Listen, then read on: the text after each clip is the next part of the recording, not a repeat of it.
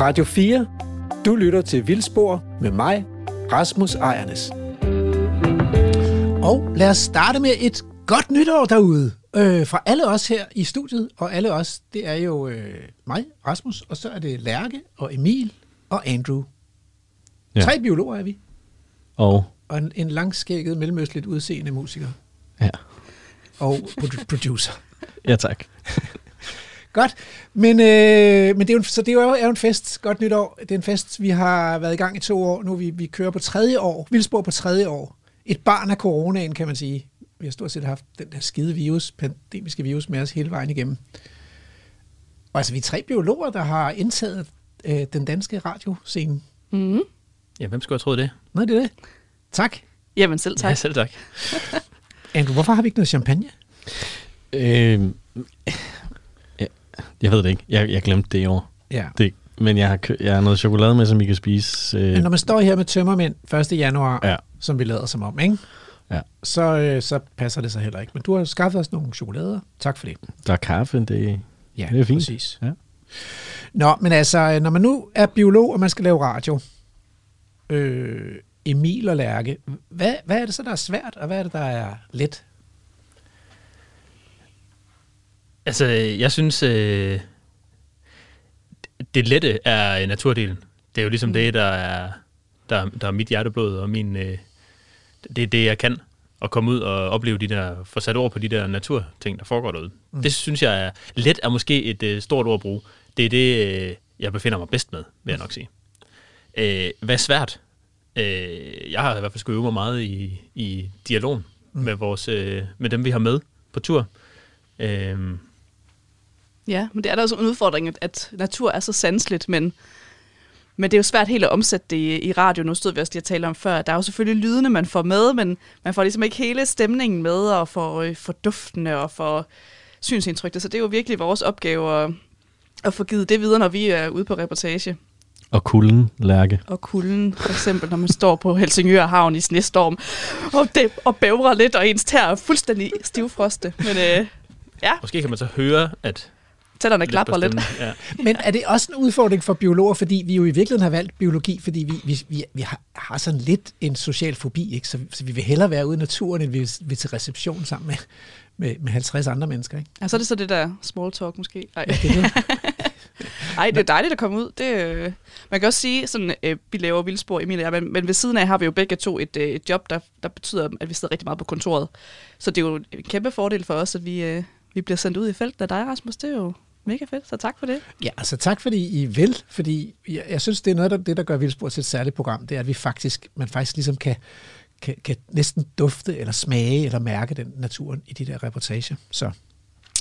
Men altså i dag skal vi kigge lidt fremad. Øh, vi står foran et nyt år, og så jeg foreslår, at vi tager temperaturen på de der bestræbelser på at lave øh, vild natur i Danmark. Fordi det er jo det nye i dansk naturpolitik. Det er naturnationalparkerne, masser af urørt skov, vi kan se ind i. Og vi venter utålmodigt lige nu, as we speak, på udpegningen af de næste 10 naturnationalparker. Vi har de, de første, Gribskov, Fusingø, Tranum, Almeningen og Stråsø, og der skal komme 10 mere. Og der er rigtig mange rundt omkring, der er spændende. Nogle, nogle glæder sig og håber på, at de får en naturnationalpark. Andre frygter det og, og kæmper imod, at de får en naturnationalpark.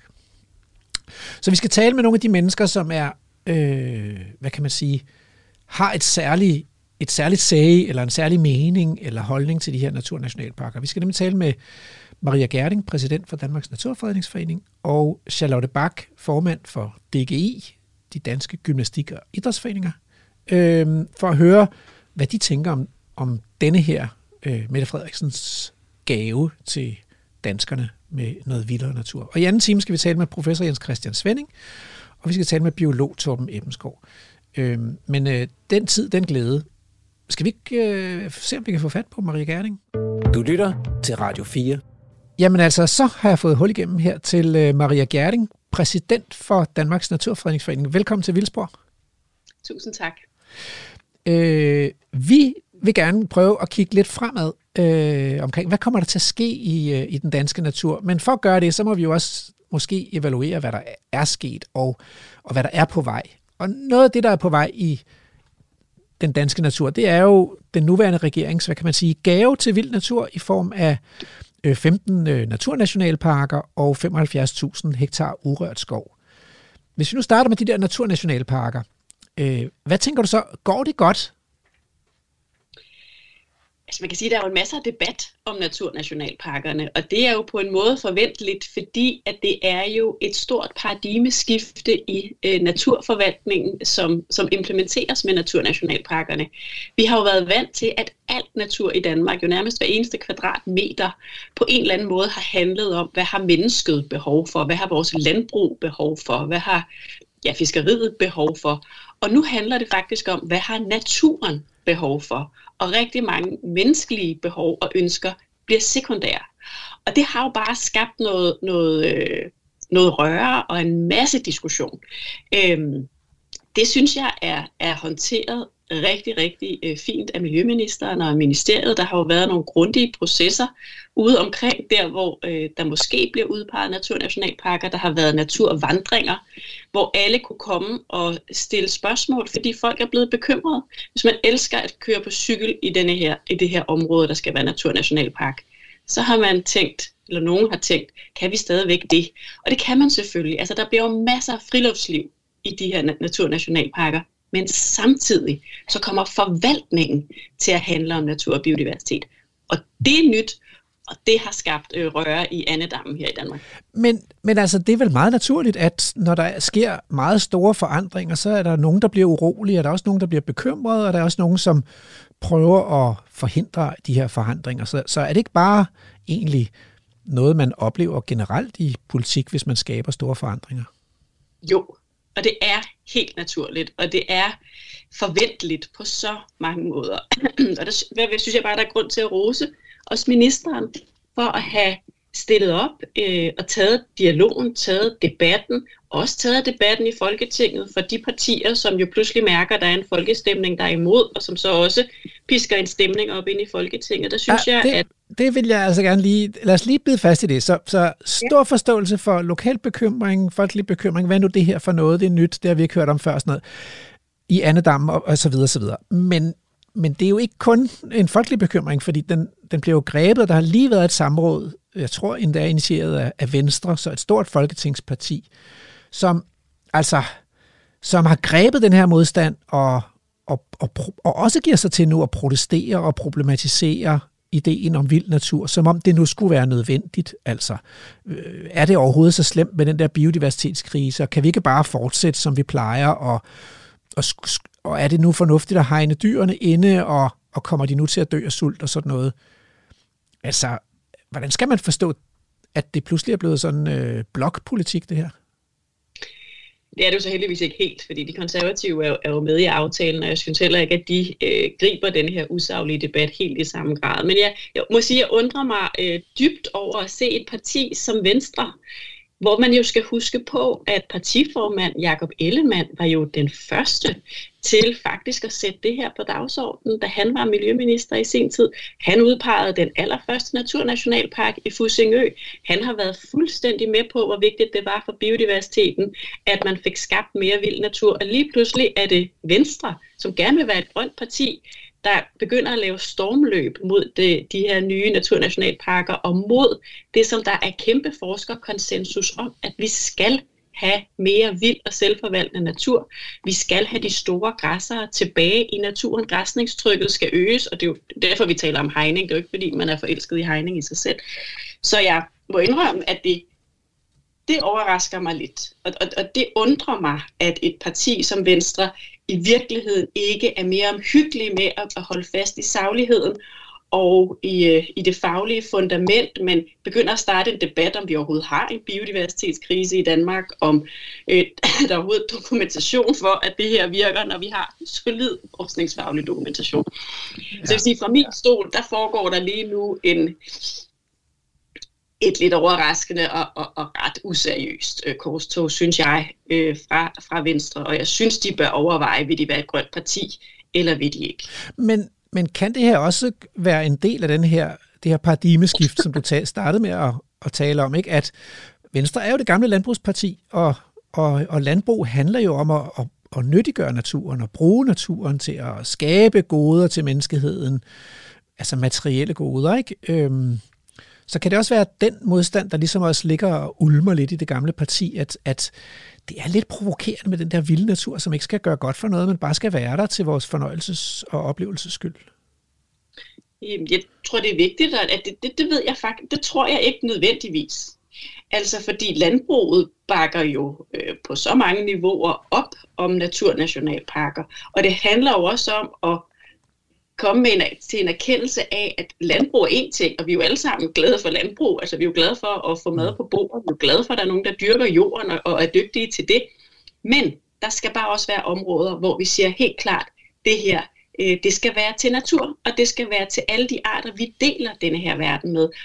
Og der tror jeg måske også i forhold til landbrug, jeg tror, de i mange, mange år har været en lille smule trætte af, at hver eneste gang man skulle tale om natur og biodiversitet, så handlede det om, at landbruget skulle sørge for at skabe plads til flere arter. Der er jo bare, der kan jo godt være lidt en modsætning der. Der er i hvert fald en masse sårbare arter, der ikke trives i samspil med landbruget. Så er der mange, der gør, men der er også rigtig mange, der ikke gør. Så hvis man går op i landbrug, så synes jeg, at der i meget høj grad, man bør være engageret i, at vi får helhjertet disponering til natur.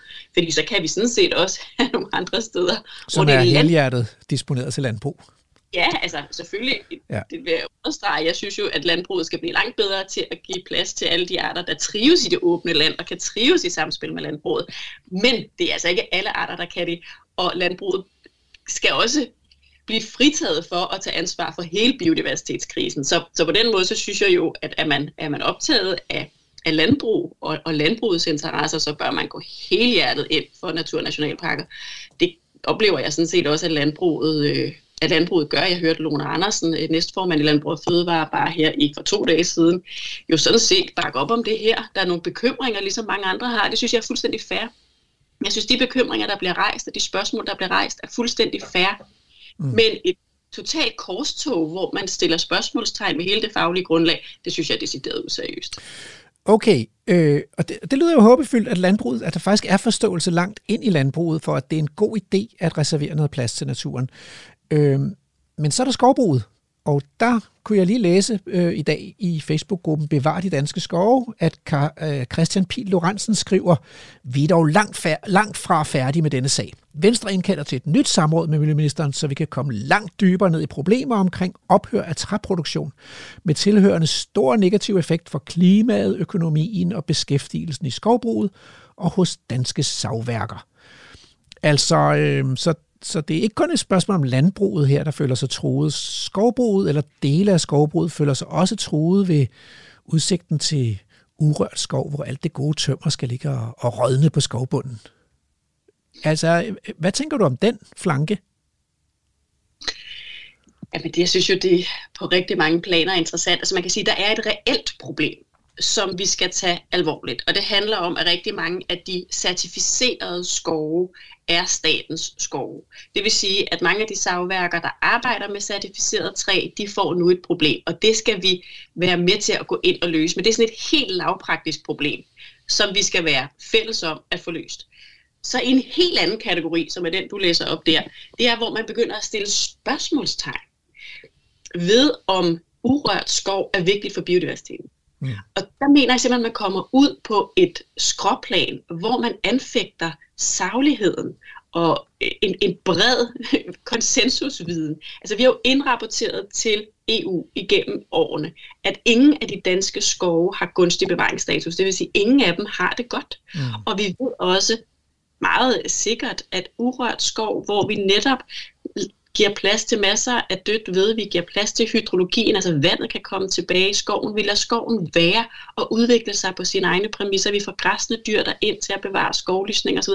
Det er nøglen til at ændre den katastrofale tilstand til fremgang. Og det er bare, det er ikke et spørgsmål, hvor man tænker, uha, vi aner ikke, hvad vi skal gøre ved det her. Jo, vi ved udmærket, hvad vi skal gøre. Og der, der synes jeg, det er virkelig ærgerligt, at det bliver ligesom saglighed og så videre, der bliver, der bliver øh, sådan bragt i, i spil på den måde, så, som Venstre også gør her. Mm. Altså lad os løse de problemer, der er. Lad os arbejde med at få certificeringer ud. Lad os anerkende bredt, at selvfølgelig skal vi også have produktionsskov. Selvfølgelig skal vi bruge træet til møbler og huse, og jeg ved ikke hvad, det er en mm. del af den grønne omstilling. Men vi skal også huske, at der er så mange levende væsener, der er dybt afhængige af, at vi giver dem noget plads, og vi gør det fuldt og helt med hele vores hjerte og med alt, hvad vi kan give. Og der skal vi holde motorsaven og nallerne væk. Og, og det, jeg synes bare, man skal adskille debatten, og man skal være skarp på at adskille debatten, så vi løser problemerne i stedet for at blande alting sammen, som Venstre gør her. Okay, nu har vi skudt lidt på Venstre. Så må det være på tide at skyde lidt på Socialdemokratiet også her. Fordi, hvad med arealet? Altså, de der naturnationalparker, det er jo flot med 15 af dem. Men det bliver jo bare, hvis jeg lægger de der antal hektar sammen, som regeringen ser ud til at udpege, så lander vi på noget, der ligner 0,7 procent af Danmarks landareal. Og vi har et EU og et FN, som taler om 10 procent strengt beskyttet øh, landareal. Så 0,7 procent er jo virkelig altså, øh, en dråbe i havet. Er det, over, er det overhovedet nok, altså? Nej, altså man kan sige, løsning på biodiversitetskrisen i Danmark og tilbagegangen for danske arter stopper ikke her. Mm.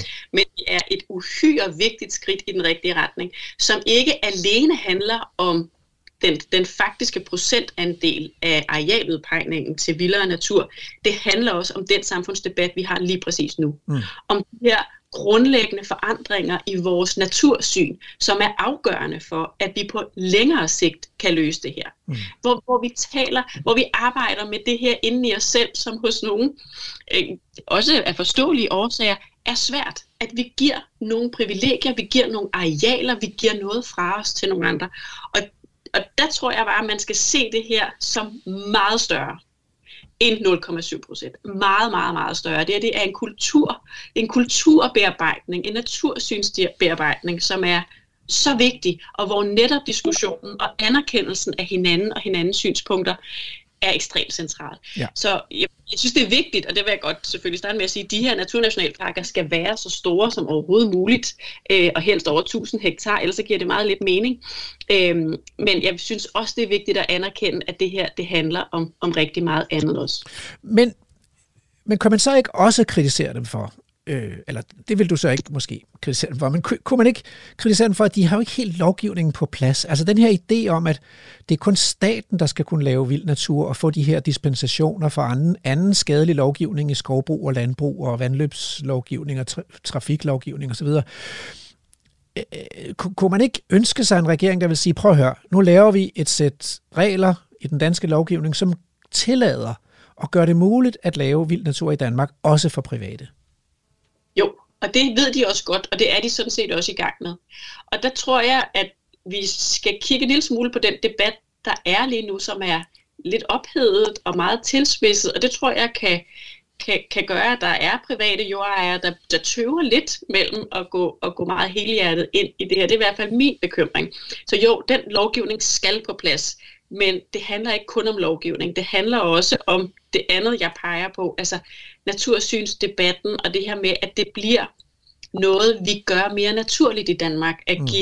At give plads øh, og, og acceptere, at det er naturens præmisser, der kommer før alt andet.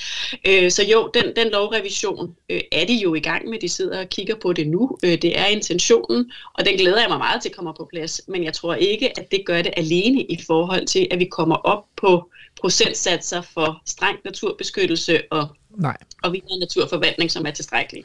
Men altså, hvis jeg nu skulle give et eksempel på, på lovgivning, så er det jo sådan i dag ikke, at, at kalve skal have øremærker kort tid efter fødslen, og man skal sikre sig, at dyren, at man overholder en dyrevelfærdslov, som er skrevet for produktionsdyr. Det betyder jo, at, at Naturstyrelsen faktisk nogle steder har fravalgt nogle arter af dyr i naturnationalparkerne, og at de også har valgt at sterilisere dyr, så at udsætte stude og valakker, som jo det er jo ikke vilde dyr, at man, øh, at man kapper klokkeværket på, øh, på tyrene, altså.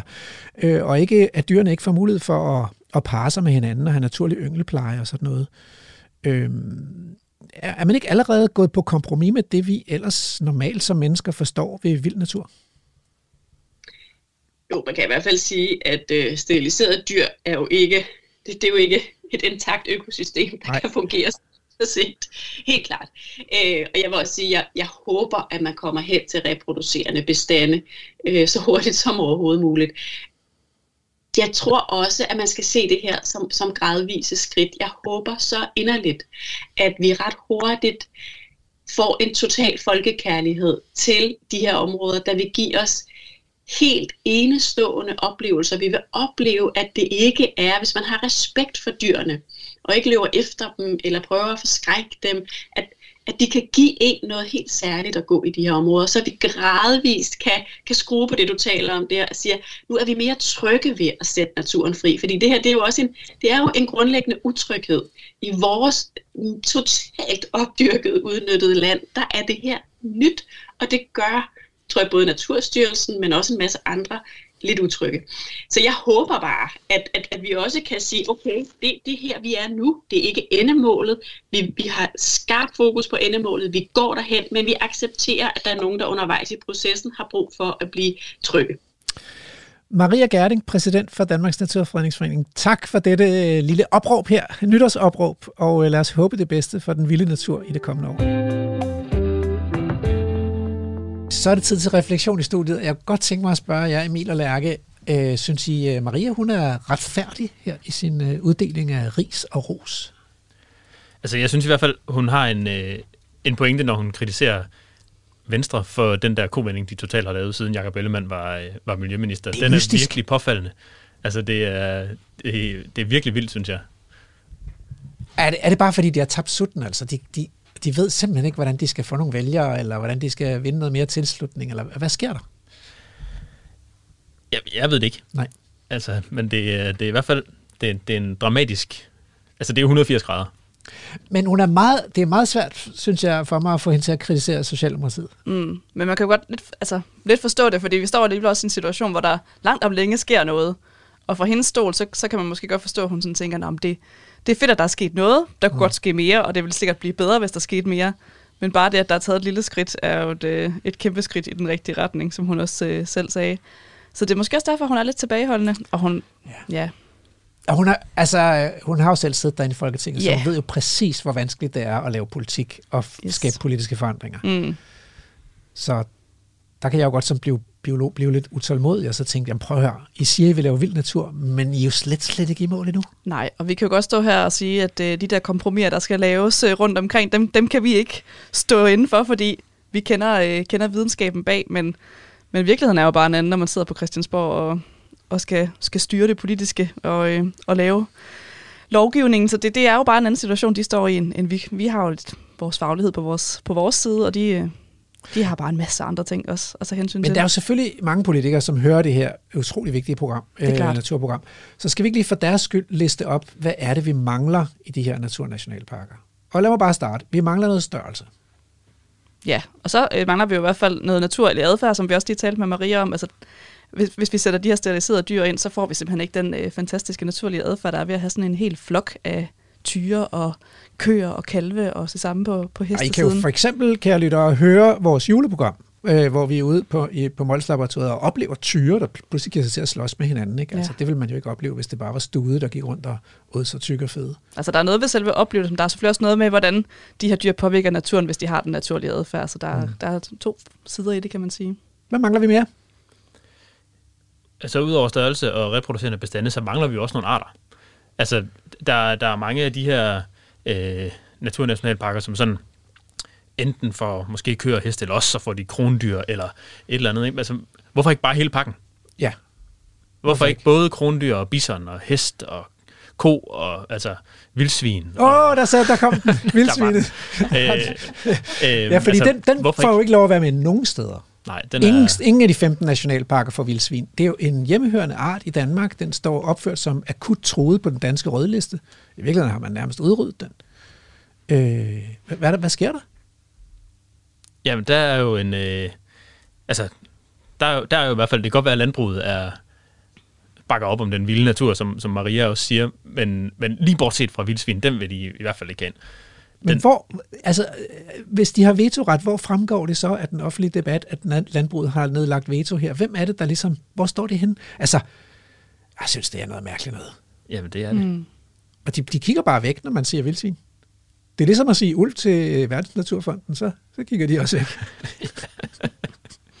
jeg forstår ikke, hvad der sker. Men prøv at høre, øhm, der, er jo, der er jo vildsvin i Klelund Dyrehave, og der er, der er vildsvin i Tofte Skov. Så det er jo ikke sådan, at vi ikke har danske naturreservater med vildsvin. Nej, det kan jo godt lade sig gøre.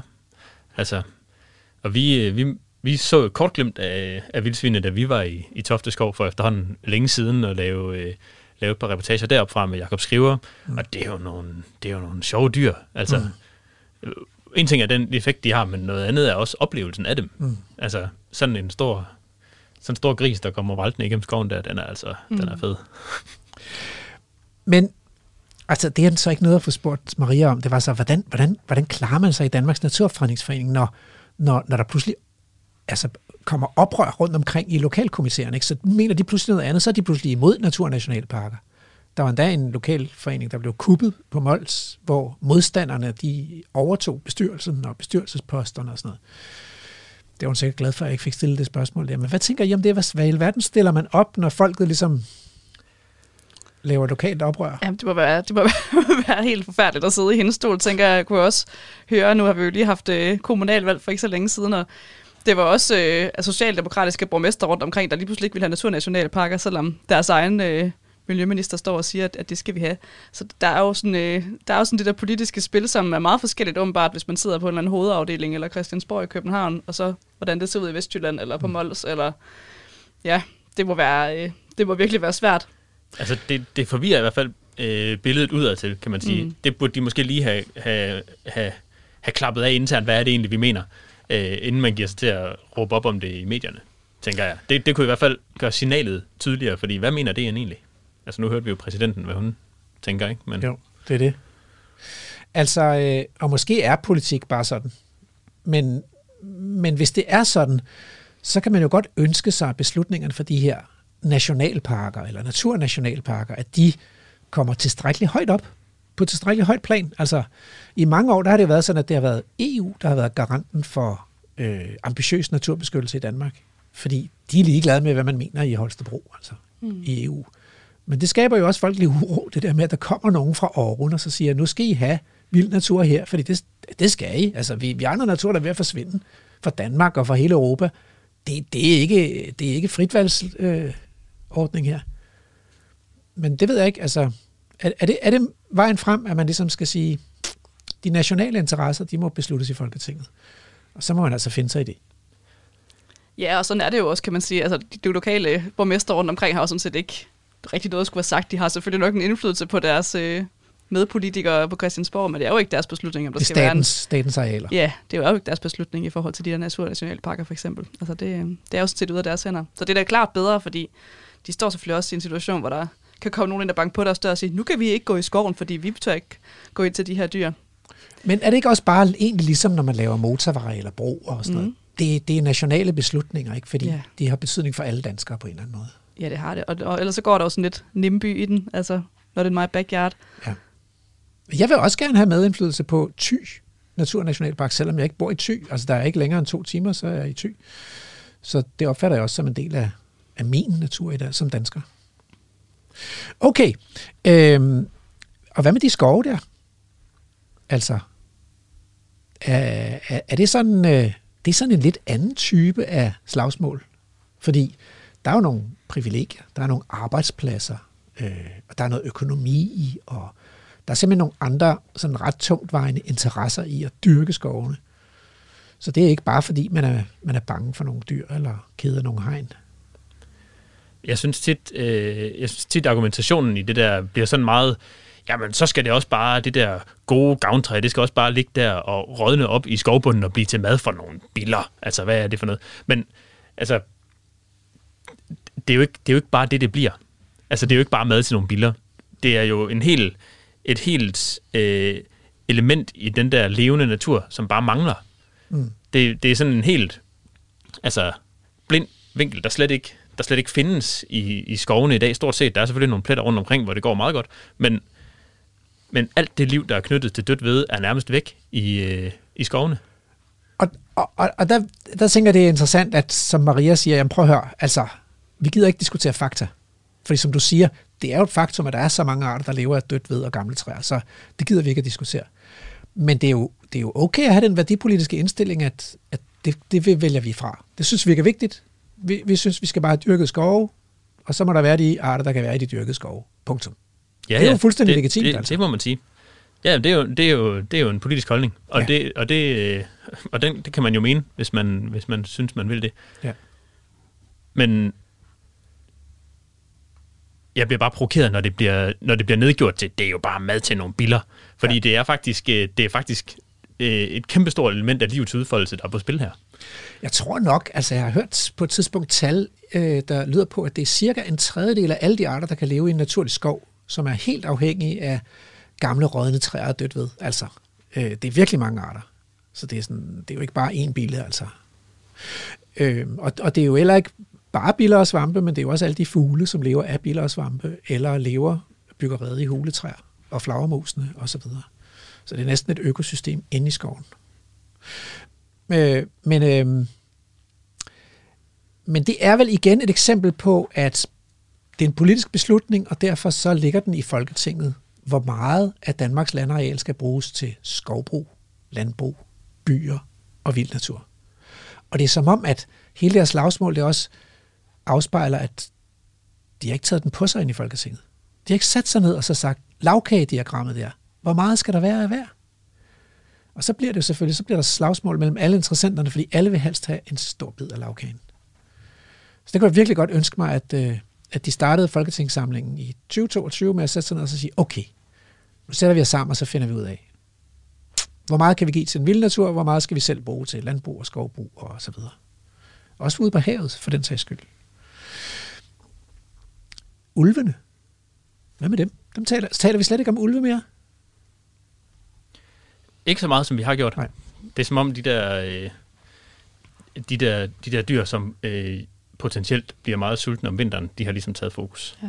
Spændende. Nå, det skal vi snakke mere om, øh, men nu skal, vi, øh, nu skal vi snakke lidt om dem, der er bange for de store dyr. Øh, det tror jeg i hvert fald, fordi vi skal tale med formand Charlotte Bak øh, fra de danske gymnastik- og idrætsforeninger, DGI. Du lytter til Radio 4.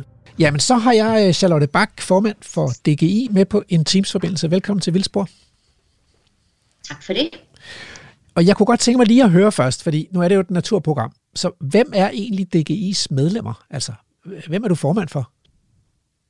Jeg er formand for øh, lige omkring 6.500 idrætsforeninger i Danmark, som jo ja, findes overalt i byerne, på landet. Øh, ja, overalt, der har vi jo heldigvis idrætsforeninger i, øh, i Danmark, og, øh, og dem repræsenterer jeg. Altså, jeg, jeg spillede jo fodbold som barn i Hellested Gymnastik og Idrætsforening nede på Stævn, så det, der, det var sikkert en af dine øh, medlemmer. Det kunne det være i hvert fald. Ja, ja, det kunne det helt bestemt være. Godt. Øhm, hvad bruger jeres medlemmer naturen til? Fordi altså, dengang nede på Stævns, der løb jeg jo bare rundt på en fodboldbane øh, inde i Hellested. Ja, og, øh, og, og nogen vil kalde øh, fodboldbanen for natur, og andre vil ikke gøre det. Mm. Men, men uanset, så, øh, så bruger vores medlemmer jo naturen, både når de er en, en del af organiserede aktiviteter, som er en del af idrætsforeningens aktiviteter ud i øh, naturen, men, men vores medlemmer bruger selvfølgelig også øh, rigtig meget naturen, og i stigende grad øh, i deres fritidsliv, som er uorganiseret. Altså der, hvor de går en tur med deres familier, øh, der, hvor de løber en tur med deres øh, naboer, eller hvad det måtte være. Der kan vi bare se, at, at naturen er blevet en mere og mere attraktiv idrætsarena for, øh, for danskerne. Både børn, unge og, øh, og voksne. Og corona har jo absolut ikke gjort det mindre attraktivt at være i naturen. Øh, og hvordan har DGI det så med den vilde natur? Vi er rigtig interesseret i, at vi har vild natur i, øh, i Danmark. Vi er optaget af, at vi kan forene de interesser, der er omkring mere biodiversitet, med det også at selvfølgelig have en, en rigtig god adgang til naturen, fordi det ved vi, at begge dele, det betyder faktisk rigtig meget for, øh, for danskerne. Ja, så, og så tager jeg lige et lille, øh, en lille detur. Øh, skulle vi i virkeligheden have sådan noget allemandsret, ligesom de har i Sverige og andre europæiske lande? Det kunne vi jo godt lade os inspirere af, øh, synes jeg. Altså nu er Danmark jo et helt andet øh, og meget mindre land, end, end Sverige er, og vi har jo slet ikke de her kæmpe store arealer med, med skov, for eksempel, som man har i, øh, i Sverige. Så vi er jo et mere, vi er jo et mere planlagt land, øh, også på naturområdet. Og, og det sætter selvfølgelig sine begrænsninger, men, men, men tanken eller inspirationen om, at vi har øh, adgang og, og helt naturlig adgang til alt natur, den er da, den er da super inspirerende og meget fristende. Mm. Øh, velvidende, at der så jo er en, en række begrænsninger også i den idé. Mm. Okay, øh, men må naturen så gerne være farlig? Altså, fordi det, det er jo... Det, vi er vel et samfund, som forsøger at minimere risici. Ikke? Da jeg var barn, der måtte man gerne klatre i træer, men jeg tror, der er færre og færre børn, der i virkeligheden klatrer i træer, fordi det er jo ret farligt. Man kan jo simpelthen falde ned og slå sig. Men sådan er det jo også med den vilde natur. Den kan jo godt være farlig. Og det er jo et af de, et af de spørgsmål, der er kommet op her i, i, i diskussionen om naturnationalparkerne, det er, hvad så med de der store dyr? De kan jo være farlige. Hvad tænker, hvad tænker ja. I om det i DGI? Vi tænker, at, at naturen må gerne være farlig, og vi er, for lige at knytte en bemærkning til, til dit gode eksempel, vi er meget interesserede i, at man jo har alle muligheder, særligt som barn og ung, for at udfolde sig kropsligt. Så det der med at klatre i træer og klatre på alt muligt andet, øh, øh, vende og dreje sig i, øh, i koldbøtter, uanset om det er på den ene eller den anden form for, øh, for gymnastikmåtter. Det, det er vi jo store tilhængere af. Vi, vi arbejder jo hver evig eneste dag i idrætsforeningerne med, med det, vi vil kalde kropslig dannelse, altså det at kunne bruge sin krop og blive udfordret og udvikle sig. Når det handler om naturen, så er vi jo også rigtig, rigtig optaget af, at der selvfølgelig skal være øh, mulighed for vild natur, men vi er også meget optaget af, at vi bliver tydelige på, hvor er det så, der er en vild natur, og hvordan forener vi det bedst muligt med de selvfølgelig øh, mange lokale interesser, der er, for samtidig også at have, have god adgang øh, til naturen og også kunne være øh, trygt ude i naturen. Så, så det er jo noget af det, øh, hele øh, denne her øh, samtale omkring naturnationale parker og vild, vild natur selvfølgelig øh, skal, skal dreje sig om, det er jo, at vi får, øh, får de her mange hensyn forenet. For selvfølgelig skal naturen også være øh, vild. Øh, selvfølgelig skal den det. Så når man kommer ud på Mols Laboratoriet, så bliver man mødt af sådan en velkommen til Mols Laboratoriet. Øh, du er velkommen her på arealerne, men hvis du har hunden med, og måske skulle du lade den blive hjemme, men så skal du i hvert fald have den i snor. Øh, og så må du ikke ride derinde. Men bortset fra det, så må man jo så køre på cykel, og man må gå, og man må løbe, og, og, og, og så videre. Er det måden at gøre det på, at man ligesom sådan deklarerer, her kommer du ind i et område, der går heste og kvæg, og øh, øh, nu skal du høre, hvad, hvad færdselsreglerne er? Ja, det er rigtig vigtigt, at der er god og forståelig øh, oplysning til, til de mennesker, der gerne vil øh, være en del af en, af en stor naturoplevelse, som det er for vi mennesker at være ude i naturen. Det giver virkelig nogle gode oplevelser, og det giver masser af bevægelse, og det er jeg jo øh, rigtig interesseret i.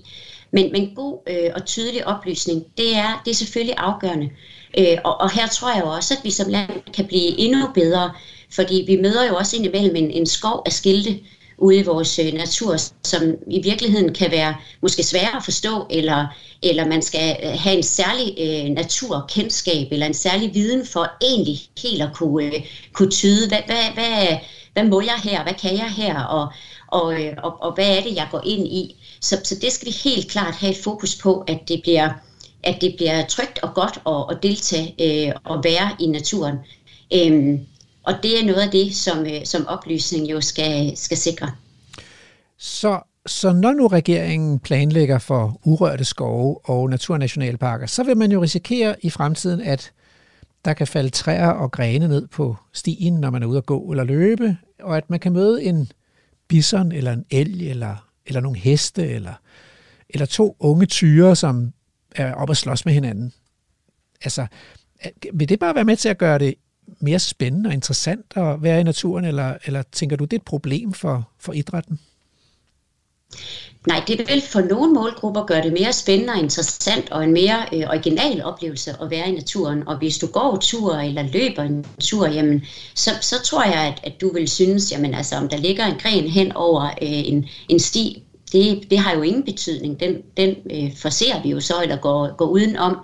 Men det er selvfølgelig også væsentligt, særligt når vi bevæger os i, grupper og i fællesskaber i naturen, måske særligt også der, hvor vi har nogle sårbare målgrupper med, for eksempel børn, at vi er, at vi er, er meget bevidste om, hvad, hvad er det for nogle opmærksomhedspunkter, vi skal have, når vi så begiver os ind, særligt i de områder, øh, hvor, hvor der jo helt naturligt skal være øh, øh, ret høje hegn omkring, og hvor, øh, hvor der kan ske at være nogle ret store dyr, der også kan bevæge sig i en vis fart og en vis tyngde, øh, så skal vi jo være, være opmærksom på at få, få, få de målgrupper fortalt, hvad, hvad er trygt og godt at gøre her. Så når regeringen lægger op til de her naturnationalparker, så siger I egentlig, jamen øh, det er en spændende idé, altså, og øh, den vil vi, ja. vi vil godt være med til en konstruktiv samtale om at få naturnationalparker i Danmark. Vi bakker op om øh, naturnationalparkerne, øh, og er meget optaget af, at der kommer en, en grundig øh, dialog ude lokalt, hvor de her naturnationalparker skal, skal placeres. Vi er rigtig optaget af, at de forskellige parter og interessenter ude lokalt, som, som har en, en aktie og stor interesse og jo også store følelser for, øh, for de her naturområder, at de bliver rigtig stærkt og grundigt øh, involveret. Og hvad stiller man så op, hvis der er nogen, der bare er mod, imod? Altså, fordi det, det synes jeg jo, man har oplevet, at der er opstået modstandsbevægelser, som har fremstillet flyveblade, som de har sat fat, fast i bilerne i Randers, fordi de ikke vil have en Fusingø Naturnationalpark, for der plejede de at ride. Øh, eller de vil måske ikke have en, en vildere Moskovskov, for der plejer de at køre på mountainbike. Øh, og de går så i gang med at lobby imod det her. Øh, hvordan, øh, hvordan håndterer man det på en, øh, på, på en fornuftig måde, uden at naturen bliver taber, fordi det er sgu sjældent, der er, der er nogen, der lobbyer for sommerfuglene i, med samme intensitet. Jamen det kan du have ret i, og, øh, og, og samtidig så er der i hvert fald flere og flere, der lobbyer for sommerfuglene, fordi dem sætter vi jo også pris på, jo mere vi er ude i naturen, jo større pris sætter vi jo også på naturen. Så derfor synes jeg, det er enormt positivt, at vi er så mange danskere, som bliver så glade for at være en del af naturen, fordi vi lærer den at kende, vi lærer at færdes i den, og vi lærer at sætte pris på den. Så, så jeg oplever jo, og vi oplever i DGI helt klart, at der er mange, mange flere mennesker, som i virkeligheden også er øh, helt almindelige hverdagslobbyister for at have en, en rig og mangfoldig natur øh, der, hvor de bor. Men der er selvfølgelig ingen tvivl om, at, at debatten kan blive lidt hård, og det har vi jo også oplevet de seneste år. Måske også en, en stigende hårdhed i den debat omkring nogle interesser, og og, og mit bedste bud, og måske nok også det eneste bud øh, på at løse de konflikter, jamen det er jo, at vi taler sammen. Og det har vi jo en rigtig stærk tradition for i Danmark, at vi, at vi taler sammen om at finde de bedst mulige løsninger. Også når, også når tonen bliver lidt hård og bølgerne går højt, så skal vi simpelthen øh, tale sammen. Vi skal øh, sikre os, at, at det formål, mange jo egentlig øh, godt kan se, der er noget fælles omkring, netop naturen og adgang til naturen, en vild natur, en interessant natur, men selvfølgelig også en tryg, øh, en tryg naturoplevelse. Det må vi have ind på midten af bordet, og så må vi tale om det og skabe tid til den dialog, der skal være, så vi finder de gode løsninger, fordi det har vi også rigtig, rigtig mange bud på i vores øh, lille land, de gode løsninger på, øh, på adgang og, øh, og natur. Det var jo simpelthen en brandtale for det danske demokrati, øh, levende demokrati, som du kom med der. Absolut. Hvad synes du så om regeringens, øh, hvad kan man sige, borgerinddragelse? Gør de det godt nok, eller kunne de blive bedre, eller og hvad tror du, der kommer til at ske med de der naturnationalparker i de kommende fem år, ti år? Jeg noterer mig i hvert fald, at, at der lige nu er, er bremset en smule op i hastigheden på, øh, på processen. Øh, at, øh, at man har erkendt fra flere sider, at vi har brug for mere dialog. Der er noget modstand ude mod, mod nogle af, af placeringerne af de her national, naturnationalparker, som, som gør, at, at, at man har måttet øh, lige trække vejret ind og, øh, og i virkeligheden skabe noget mere tid til dialog, og det tror jeg er rigtig, rigtig klogt. Øh, jo også bare, øh, ja, for ikke at gentage den pointe, jeg lige havde, altså vi skal simpelthen have tid til involvering, der skal være tid til, at man lokalt kan tage den her dialog omkring de her områder. Og, øh, og, og det vil være smadret ærgerligt, hvis de her naturnationalparker, de kommer til at, at vokse frem i virkeligheden af, af noget konflikt og på trods. Det tror jeg ikke gavner naturen, det tror jeg heller ikke øh, gavner de her mange øh, øh, ja, beboergrupper, interessenter, lokale øh, ildsjæle, som i virkeligheden øh, på hver øh, deres vis, og nogle gange med nogle lidt forskellige interesser, brænder for at, øh, at gøre det bedst mulige her. Og, og det er simpelthen måske nok tid, lidt mere tid, der skal til, fordi det har været det, det har jo været en, en forholdsvis stram proces, og der har været nogle meget klare øh, retninger på de her naturnationalparker fra start. Men, men nu virker det på mig som om, at, øh, at man godt er klar over, at vi skal, vi skal bruge lidt mere tid. Der skal simpelthen mere ejerskab øh, via lokal involvering og dialog øh, ind i processen. Charlotte Bak, øh, formand for DGI. Tak for at give os lidt håb øh, her i øh, ved starten af 2022. Du lytter til Radio 4. Altså, wow, har jeg bare lyst til at sige. Nu troede jeg, vi skulle have de største modstandere mod vild natur. Idrætsudøverne. Men det skulle vi jo ikke. Nej, det var ikke det, øh, Det var ikke det, vi hørte i hvert fald. I hørte det samme som mig. Mm. Ja, fuldstændig. Konstruktivt, og prøv at høre, det her med vild natur, det vil mine medlemmer også gerne. Det er spændende, og det er oplevelsesrigt, og, og vi skal bare lige lære at færdes i den der vilde natur, og der skal være en god kommunikation og en god dialog og sådan noget.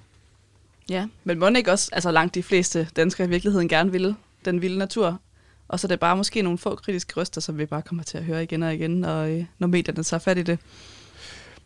Men der virker Charlotte Bak jo meget sådan, øh, meget tålmodig og indstillet på, at vi må jo bare, man må jo have samtale, og så må man fortsætte samtalen, og så må man ligesom give tid til den der samtale.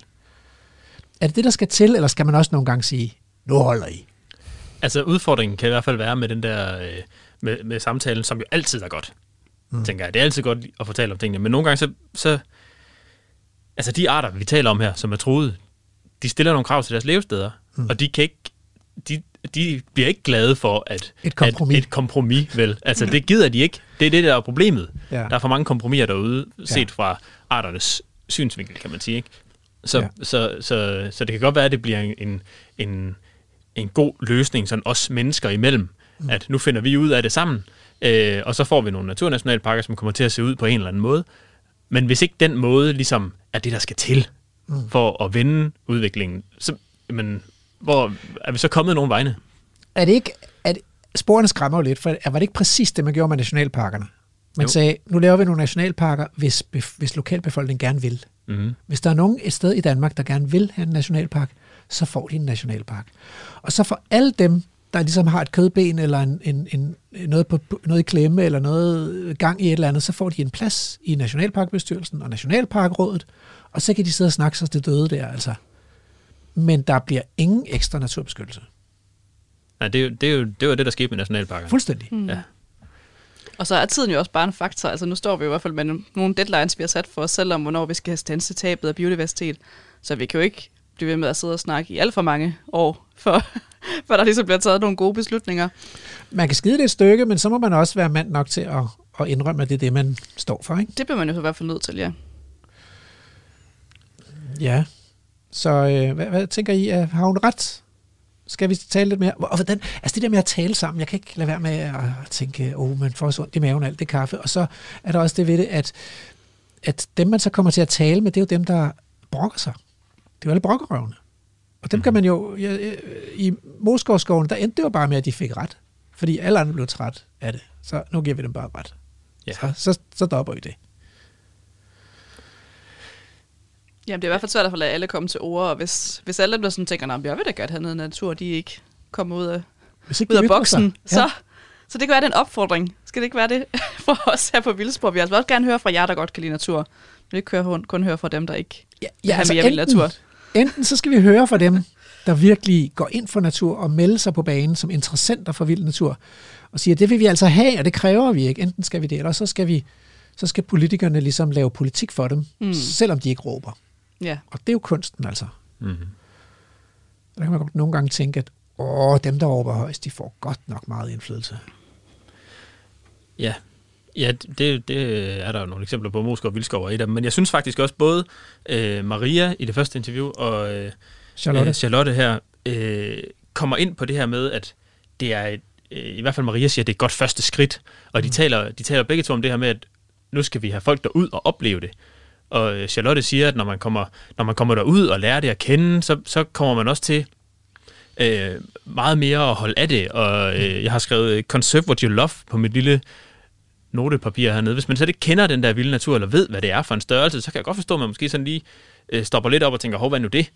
Men når først man kommer ind og, og oplever det, så, mm. så, så finder man ud af, at det var i virkeligheden mega spændende det her. Det, jeg fik nogle oplevelser, jeg slet ikke havde regnet med. Øh, forhåbentlig gode oplevelser.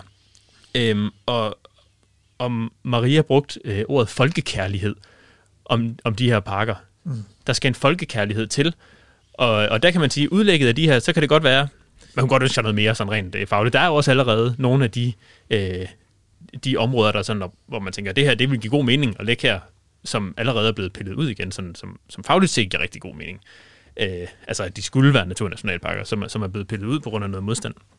Øh, men jeg tænker, at når de kommer, så er det øh, et rigtig godt første skridt. Og øh, det skal vi snakke mere om i anden time, hvor vi også skal interviewe Jens Christian Svending og Torben Ebbensgaard øh, og tale meget mere om vild natur og udfordringerne ved at lave vild natur i et gammelt bundeland som Danmark. Men nu er det tid til nyheder. Radio 4. Du lytter til Vildspor med mig, Rasmus Ejernes. Og det er øh, nytårsprogrammet. Godt nytår af Vildspor. Og øh, med i studiet her, der har jeg Emil og Lærke, vores trofaste feltreporter, der har fået lov til at trække ind i ly for, hvad der nu at være af snestorme og, og andre Elementernes rasen, er det ikke sådan, vi skal sige? Ja, præcis. Mm. Vi har også Andrew med i studiet, vores, øh, vores faste, trofaste producer, og vi taler om øh, udsigterne til at få vild natur i bundelandet Danmark, kan man godt sige. Det er ikke så nemt. Men, øh, men i første time, altså jeg er meget optimistisk lige nu. Ja, det, altså det er jeg sådan set også. Altså, vi har jo talt med Maria Rømmert Gerding fra, øh, fra DN og ja. med Charlotte Bak fra, øh, fra DGI. Og de var jo begge to øh, sådan rimelig optimistiske på, på den vilde naturs vegne. Altså, jeg skulle have kastet nogle sure mænd også. altså, det, Glade kvinder og sure mænd. Ja, vi ja. mangler sådan en, øh, sådan en, en, en gammel øh, herrechef der, øh, Christian Pil Lorentzen, øh, militærmand, der sådan kan slå i bordet og sige, nej, fandme nej, nu skal vi, det kan jo ikke have brug til noget der wild natur. Men ved du hvad, ham laver vi simpelthen en dialogkaffe med i øh, 2022. Det, øh, det, det lægger jeg mig i selen for, hvis han vil være med til det. Øhm, men, men jeg synes måske, nu har vi talt meget om det her med, hvad der politisk set kan lade sig gøre, og regeringen gør det rigtige, og det går i den rigtige retning, og sådan noget. Jeg kunne godt tænke mig lige at få et sådan no bullshit vurdering af, hvor godt er det egentlig, vi performer i Danmark, ikke? Mm. Altså, for det kan godt være, det ser flot ud i et bundeland, men hvis man nu ser det i et lidt større helikopterperspektiv, hvor vildt er det så? Hvad, hvad, hvad tænker I, når I har været på... Har I prøvet det der med at tage på ferie ud i verden, og så komme til et eller andet vildt naturområde, og så komme hjem igen til Danmark? Altså, når man kommer med, med flyveren ind til Kastrup, ja. så, så er der mange marker at kigge ja. på ned på det der, øh, det der ja. landskab. Det er altså ikke... Det gør lidt ondt, synes jeg. Det er sådan en begge, hvor man bare tænker, hvordan, hvad skal man ligesom, og så prøver man at fokusere et sted på kysten, hvor der, hvor der ikke er det der firkantede klodetæppe af marker og firkantede skove. Og der er ikke engang markskæld. Altså, hvis man flyver rundt over nogle andre europæiske lande, kan der også være mange marker. Men der er trods alt, der er som om, der alligevel er en lille forskel. England er et eksempel, for eksempel. De har været lidt bedre til at bevare de der skæld mellem markerne, så der er noget andet. Der er stendiger, ikke? Ja. Og, så, og så er der levende hegn, mm. og markerne er ikke så store og sådan noget. Ja. ja det synes jeg er en udfordring. Så jeg, og jeg tror, at øh, professor Jens Christian Svending fra Aarhus Universitet, han kan måske hjælpe os med at få sådan et realistisk, nøgternt blik på, hvor langt er vi kommet i Danmark? Er der noget af det, der sådan virkelig sparker røv, eller er vi bare med et uh, citat fra Carsten Rabeck, professor på Københavns Universitet, røvende 4. division, når det gælder naturbeskyttelse i Danmark. Så lad os ringe til ham. Du lytter til Radio 4. Så har jeg fået hul igennem her til øh, professor Jens Christian Svending på øh, Aarhus Universitet. Velkommen til Vildsborg. Mange tak. Så, nu har vi talt en hel del øh, indtil videre i det her nytårsprogram om øh, planerne om at få noget vildere natur i Danmark. Og det, man kan godt blive så lidt øh, begejstret som biolog over det. Endelig, endelig ser det ud til, at nu får vi noget vildere natur. Øh, men jeg kunne godt tænke mig først at spørge, det her, øh, det her begreb naturnationalparker. Er der nogle andre lande i hele verden, som har naturnationalparker? Altså det har jeg i hvert fald ikke hørt om, og det, det afspejler selvfølgelig, at vores øh, oprindelige nationalparker, som ikke går så langt tilbage, at de ikke kommer med nogen reel ekstra beskyttelse af naturen. Der kan man jo egentlig fortsætte med at gøre, hvad man plejede at gøre. Det er det, man, man andre steder i verden, vi har kaldt paper parks i virkeligheden. Der kan selvfølgelig godt komme noget godt ud af det alligevel, men det er jo så på frivillig basis. Hvorfor? Altså, nu siger du bare det her, som om det sådan er en selvfølge, men hvorfor, hvorfor, hvorfor er det ikke en kæmpe historie i medierne, at den danske regering laver det værste eksempel på greenwashing, vi overhovedet kan komme i tanke om i Danmark, langt på biodiversitetsområdet, så overgår det jo langt, hvad Danish Crown eller Arla eller nogle af de andre skurke der, de kunne finde på. Jamen det kan man sige, at det, det, det, jeg har da altid selv synes, at det var, var en anelse pinligt, fordi at jeg altid selv synes, at det var virkelig dårligt, når man rundt omkring i verden kom til sådan nogle paper parks, at vi så også fik det i Danmark. Men jeg tror, at grunden til, at det ikke er en større skandale i Danmark, det er fordi, vi ikke er vant til at tænke på, at der skal være plads til vild natur i Danmark, og i det hele taget vant til at, at forholde os til, hvad vil det egentlig sige at have vild, vild natur. Men altså, som forskere, så kan vi jo godt blive enige om her, at man må jo ikke lyve, vel? Altså, fordi så er sandheden jo tabt på gulvet, og en af konsekvenserne ved det her med nationalparkerne, det er jo, at nogle af de steder, hvor de nu har nationalparker, på Mols og i Thy og sådan noget, der vil de jo ikke have en naturnationalpark, fordi det tænker de jo bare er unødigt besvær. Det går så godt med nationalparkerne. Jamen det er klart, at, at hvis uh, folk de har alle mulige andre aktiviteter i arealerne, så, så kan det være irriterende for, for de mennesker, at, at de lige pludselig får nogle begrænsninger, hvis området nu skal være vild natur.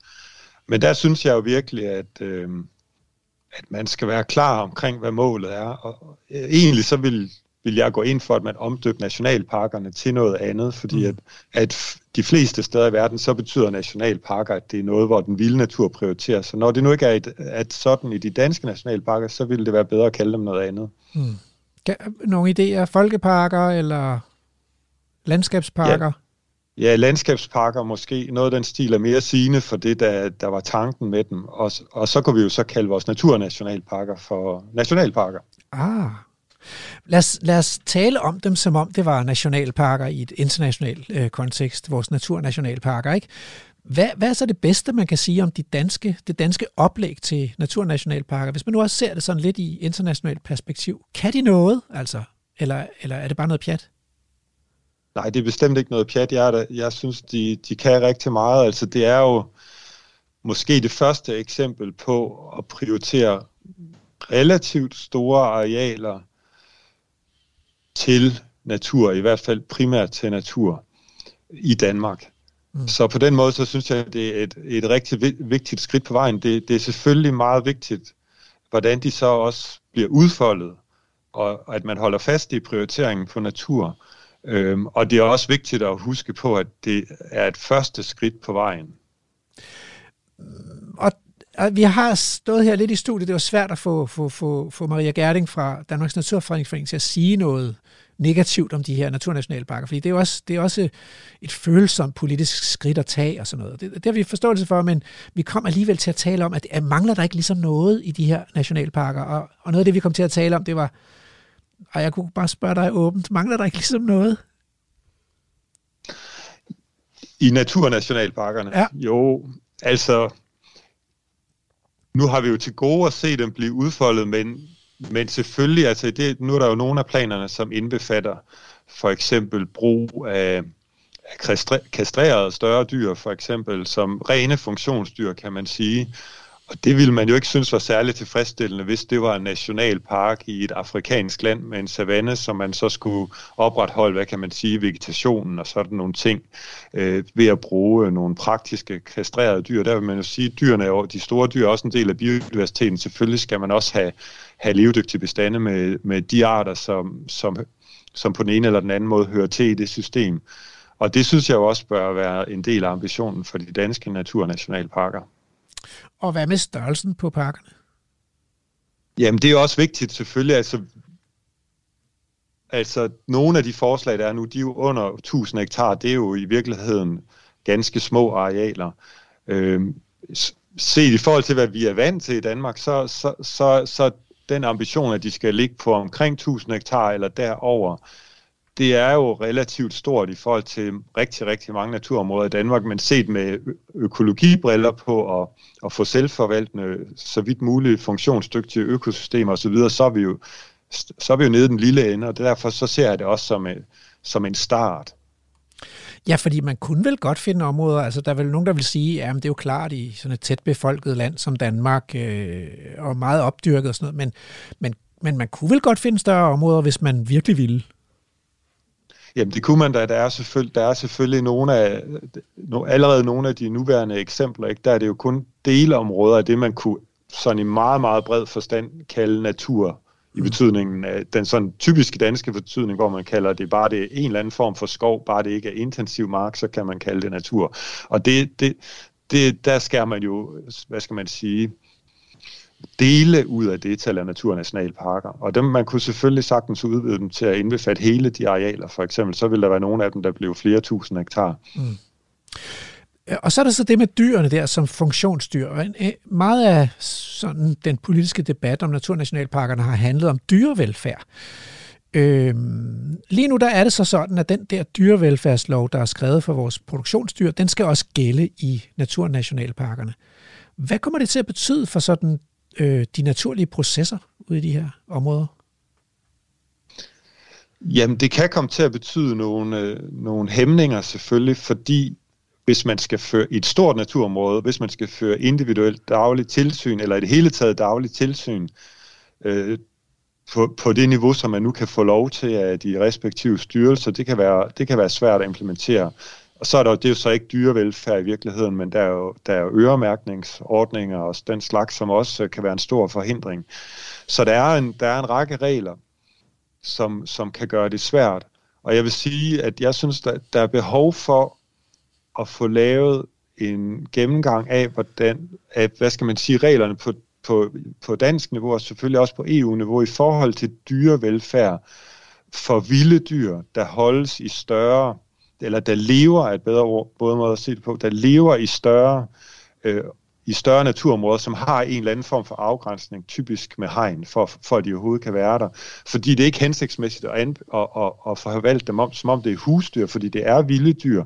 Men selvfølgelig så er der nogle begrænsninger på deres liv, øh, og, og, og det er fint nok at sige, og, og derfor så kan man forholde sig til de begrænsninger, og så kan man forholde sig til, hvad gør vi for at justere for de begrænsninger, vi lægger på deres måder at udfolde sig på, og så kommer der nogle velfærdsbetragtninger ind over det. Øhm, men man har behov for at få nogle regler, som passer til, til, til vilde dyr, mm. der, der på en eller anden måde holdes begræ- i begrænsede naturområder. Ja, altså fordi det, der sker jo med vilde dyr, der lever et, et vildt liv, det er, at de bliver jo ikke så gamle som zoologiske dyr, eller som kæledyr, eller, fordi det er hårdt at leve ude i naturen. Og hvis man har sådan et naturområde på 1000, 2000, 5000 hektar, så er det jo umuligt at vide, hvor alle dyrene er på et hvilket som helst tidspunkt. Og det vil sige, at, at man kommer jo til at overtræde husdyrvelfærdsloven, fordi der vil være nogle dyr, der kommer til at lide. De kommer til at sidde fast i en mose et eller andet sted, og så, så dør de af sult, fordi de sidder fast i den der mose, uden at der er nogen, der opdager dem. Så er det ikke også bare at bede om, bede om ballade, at man laver en lovgivning, som det næsten er umuligt at holde, og de der kastrerede dyr, som man nu vil sætte ud, det er jo også fordi, man er, man er bange for, at at dyrene ligesom yngler, og at det bliver ustyrligt på en eller anden måde, den der natur, så man prøver at kontrollere naturen. Så har man ikke ligesom skabt sig nogle barriere, som gør det næsten ulovligt at have vild natur? Jo, det er tæt ved. Altså, jeg tror, at altså et eller andet sted, så er det selvfølgelig et ressourcespørgsmål, så hvis man vil sende rigtig mange mandetimer efter det, så kan man selvfølgelig godt holde øje med dyrene ude i sådan et stort naturområde.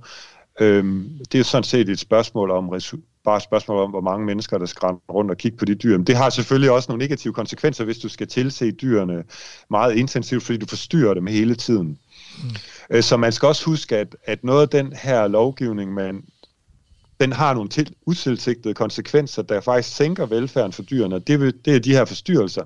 Men jo også netop, hvis man vælger at bruge kastrerede dyr for at kunne holde styr på dem i forhold til, til, til dyrevelfærdsloven og anden husdyrlovgivning, fordi, fordi kastrerede dyr har jo i sagens natur ikke den samme velfærd som dyr, som får lov til at ja, ikke bliver maltrakteret på den måde, bund og grund at få lov til at leve deres liv, som de nu gerne vil ude i naturen, inklusiv reproduktion osv. Det var jo hele historien omkring øh, den berømte historie omkring giraffen ikke, øh, i Københavns Zoo, at man netop tillader dyrene at have de her funktioner, og så så i det tilfælde i zoo-sammenhæng, så må man så aflive en del af dem senere, fordi ellers så kommer de alle sammen til at leve nogle meget begrænsede liv. Så der er sådan nogle, så, så, så, så de, de dyrevelfærdsregler og husdyrsregler, vi har nu, når vi putter dem ud på naturen, så vil jeg sige, at de i et stort omfang faktisk giver mindre dyrevelfærd. Interessant. Øhm, så kunne jeg godt tænke mig lige at, at runde de urørte skove også, fordi øh, regeringen, det ender jo måske nok med 30.000 hektar, eller det omkring øh, naturnationalparker, men de har også lavet 75.000 hektar urørte skove, altså inklusive dem, vi havde i forvejen, men det er alligevel en, en betragtelig mængde. Jeg tror, der mangler 50.000 eller sådan noget øh, hektar. Men hvad med de her urørte skove? Hvorfor er det et særligt virkemiddel? Kun, kunne de ikke også bare have været naturnationalparker? Behøver man at skælde mellem skove og anden natur? Nej, overhovedet ikke. Det er, det er kunstigt. Der er ikke rigtig nogen, som, jeg kan ikke komme i tanke på, om nogen som helst god grund til det, øh, fordi at de her kasser med skov og overdrev og eng og heder og sådan noget, det er jo nogen, vi har fundet på, og i, i en dansk sammenhæng, så, så, så er der ikke nogen tvivl om, at de vil glide ind i hinanden i naturlige systemer, og det vil, det vil være svært i virkeligheden at sætte kasserne op, så, så, så det vil være mere hensigtsmæssigt at se på dem med de samme briller, kan man sige, i forhold til hvad for nogle processer og faktorer så videre, der skal, skal genoprettes, og hvordan man skal forvalte dem. Så i virkeligheden, hvis man skulle, hvis urørt skov skal være for biodiversitetens fremme, så vil man som så vil du som ekspert anbefale at sætte græsne dyr ud også i de urørte skove? Ja, det, det vil jeg i hvert fald som udgangspunkt. Øh, man kan sige, hvis du har store landskaber, hvis du for eksempel tager til Yellowstone, som er et stort landskab med en relativt intakt fauna, og i øvrigt er rigtig meget skov, omkring 70 procent af noget, man på en eller anden måde kalder skov, øh, så bruger dyrene jo ikke hele landskabet på samme måde. Der er nogle steder, der er mere stejle end andre, og der er også øh, nogle steder, der er bare mere attraktive end andre, fordi at at der er opstået via græsningen og andre, andre effekter, så er der nogle steder, som er, er blevet mere domineret af græs og urter, modsat af andre steder, der er blevet domineret mere af træer, hvor der ikke er så meget at komme efter for dyrene, og så bliver der sådan nogle feedback-processer, at dyrene bruger mere de attraktive steder og sådan noget. Men der er meget variation i landskabet i, hvor meget dyrene bruger dem. Så jeg vil sige, hvis man, hvis man har store områder, så er der ingen grund til ikke at tænke de store dyr ind i. Det bør man faktisk altid, efter min mening. Men hvis man har, hvis man har små områder, så kan det give mening at mere tænke i, variation, så er der nogle af dem, så vil jeg sige, at nogle af dem skulle helt klart have græssende dyr, og nogle af dem i forskellige, forskellige kom, kombinationer, ikke? og nogen skal måske ikke have nogen, fordi at i et naturligt landskab, så vil der også være nogle steder, hvor der ikke rigtig kommer nogen. Men men et af de problemer, som vi har, og det ved jeg, fordi jeg har kigget på de nationale overvågningsdata for vores øh, skove, de skove, der er beskyttet af EU, og et af de problemer der, det er, at vi kan se, at skovene er meget mørke, Øh, der er meget skygge i de danske skove, og det ser også ud som om, de faktisk i de senere, seneste 10-15 år er blevet endnu mørkere. Og det går så ud over de blomstrende urter, de blomstrende buske, mange af de varmekrævende insekter øh, i skovene, og også de mosser og laver, som godt kan lide noget lys, når de gror på stammerne af de gamle træer. Hvordan, hvis ikke, hvis ikke der er græsne dyr i skovene, hvordan er det så, at vi skal få lys ind i skovene igen? Jamen, det er et rigtig godt spørgsmål, ikke? og det er jo et kæmpe problem, at, at, at skoven i så høj grad bliver monotont mørke, ikke? Og, og det sker jo vidt og bredt i Danmark, og hvis man ved, har lidt, hvad skal man sige, øh, naturfaglig flære, så kan man jo tydeligt se det i mange af skovområderne, når man går rundt, at, at for eksempel mange af de planter, vi opfatter som skovplanter, de faktisk bliver begrænset til, til de få lyse steder, der findes i skoven i nogle enkelte skovkanter og sådan noget, så, så på de store flader er det nogle ganske få arter, der kan trives. Øhm, så det er faktisk en kæmpe udfordring. Jamen jeg vil sige, hvis, altså, det ideelle er, at man i større skove har græsne dyr, som kan bidrage til at opretholde noget af, den her, noget af de her lysåbne forhold, så er det selvfølgelig vigtigt at få vand ind i skovene, som, som kan bidrage til at åbne op i et vist omfang, selvom at der jo altså røde el og pil og sådan noget kan jo vokse, hvor der er vådt, men det kan jo stadigvæk bidrage til at få noget lys ind. Øhm, og så kan man sige, hvis det er meget små skovområder, så, så kan det være hensigtsmæssigt også at, at arbejde med at så vedvarende genererer noget forstyrrelse på en eller anden måde, fordi at, fordi at områderne simpelthen er for små og amputeret til, at man kan få de naturlige processer til at virke helt ordentligt. Ja, det giver jo god mening, og der skylder vi vel at sige, at det, det ligger også i, i planerne, at man vil forsøge at arbejde med genopretning af hydrologi i både de urørte skove og naturnationalparkerne. Så, men, så nu, nu nævnt øh, hydrologi og, og store græsne dyr. Hvad med den der øh, hæmning af kystdynamikken? Vi, er, vi lever i et land med en øh, mange tusind kilometer lang kyststrækning, så bare sådan helt kort til sidst, hvad betyder det for vores vilde natur og biodiversitet? Jamen, den er da super vigtig. Altså, hvis man kommer til sådan de mere naturlige dele af vores kyster, ikke, så er der jo masser af biodiversitet, og det er jo også, altså nu, er, nu taler jeg jo så her fra et østjysk synspunkt for eksempel, så de steder, hvor man har, har dynamiske kyster, som går op i noget skov, så får man jo rigtig man jo super rige, artsrige områder derude på kystskrænterne, hvor træerne vælter ned, og man får krat, og man får lysåbne steder. Og det er jo super vigtigt at give plads til den form for dynamik i vores naturområder. Jens Christian Svending, professor på Aarhus Universitet. Tusind tak for at gøre os klogere her i starten af 2022. Velkommen. Du lytter til Vildspor, og det er Vildspors nytårsprogram.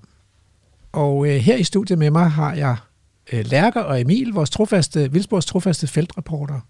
Og øh, vi er i gang med at undersøge, hvordan går det egentlig med den der natur revolution i Danmark, forsøget på at få snedet noget vild natur ind i bundelandet, bundelandet Danmark. Og vi har specielt kigget på regeringens forslag om naturnationalparker og, og også lidt på den urørte skov. Jeg, jeg synes, man må sige, at Jens Christian Svending, han får lige sat tingene på plads her. Altså, det er svært at være uenig med rigtig meget af det, han siger. Ja, og det er jo også bare, altså som vi talte om tidligere, det er jo bare fakta, og det er jo svært for os at, øh, at stå og sige, det er forkert. Øhm. De store græsne dyr, de hører til i økosystemerne, og de er ikke bare nogle værktøjer, som man kan lave billeder med, men, men, men det er, de er levende dyr. Der er jo nogen, der er enige med Jens Christian i det argument. Nemlig alle de danskere, der valgfarter ud for at få et billede af en elg, eller en bison, eller nogle vilde heste på Sydlangeland, eller sådan noget. Det er jo den, de tager jo ikke ud for at fotografere en bille. Nej, så de, altså, de er jo også en naturoplevelse i sig selv, øhm, og noget vi mangler i den danske natur, så må man jo tage ind bag et hegn for at, at få den oplevelse af, af den vilde danske natur. De kunne se en hest alle mulige andre steder. Man kan jo bare køre en tur i landskabet, og så kan man se nogle, finde nogle heste. Ikke? Man kan ovenkøbet fodre dem. Så hvad er det, der gør de der heste på Langeland, eller på Mols Laboratoriet, eller i Bødø Plantage, hvad er det, det, det der gør dem særlig interessante? Altså, det, det er jo det, at de lever et mere eller mindre i hvert fald vildt liv. Og der er noget plads omkring dem. De har noget plads at udfolde, øh, udfolde deres liv på. Altså, langt de fleste af de heste, man ser, når man kører rundt øh, i landskabet, de står jo på en eller anden lille fold. Altså, hvis de er heldige, så har de måske en halv hektar eller sådan et eller andet at stå på, og tit så er det et mudderhul om vinteren, de står i, de der heste der. Det, så er det heller ikke mere spændende sådan, som en naturoplevelse. Øh, men når man kommer ud de der steder, hvor dyrene de har plads til at bevæge sig rundt, måske skal man endda ud og lede lidt efter dem. Det er ikke bare givet på forhånd, at, øh, at man kan køre lige præcis derhen og stille sig, og så kommer den. Mm. Øh, så, så det giver nogle helt andre dimensioner til de der til de naturoplevelser, man får med dyrene. Hvor meget betyder... Ja, undskyld, Lærke. Nej, men det var bare... Og det er der måske også netop den der med, at, øh, at de vilde dyr, de er jo ikke interesseret i os mennesker på samme måde som sådan en, en ridehest er det, og kommer ikke øh, løbende efter os og, og håber på gulerødder. Altså, der er jo også et eller andet dejligt befriende i, at, at de er faktisk ret ligeglade med os. Altså, der, de, øh, ligesom interesseret i noget større. det, altså, det, kan, spise. det kan også noget det der, ikke med, at mm. man har nogle klappegeder. Ja, ja. Så man kan komme hen og klappe, og børnene kan fodre dem, og, og sådan. Det giver en anden naturoplevelse. Det er så hyggeligt. Men det, det er meget skægt, at, at det også er attraktivt, at dyrene ikke er interesseret i os. Altså, sådan, mm. det, det er sådan, måske sådan lidt kontraintuitivt, at man tænker, det, det, vi vil jo gerne være venner med dyrene. Ja, det er måske alligevel den der øh, følelse af, at, at den vilde oplevelse på den afrikanske savanne, der vil girafferne jo også bare gå videre, der vil ligge nogle løver og sove under et træ, de vil jo være fuldstændig ligeglade med sådan en bil, der kommer kørende, og det er måske lidt det samme, man får, når man går ud i sådan en naturnationalpark, eller i Mols Bjerge, eller, eller hvor man går hen og, og møder de her vilde dyr. Mm. Hvor, hvor meget det betyder det, at der både er hanner og hunder i sådan en flok?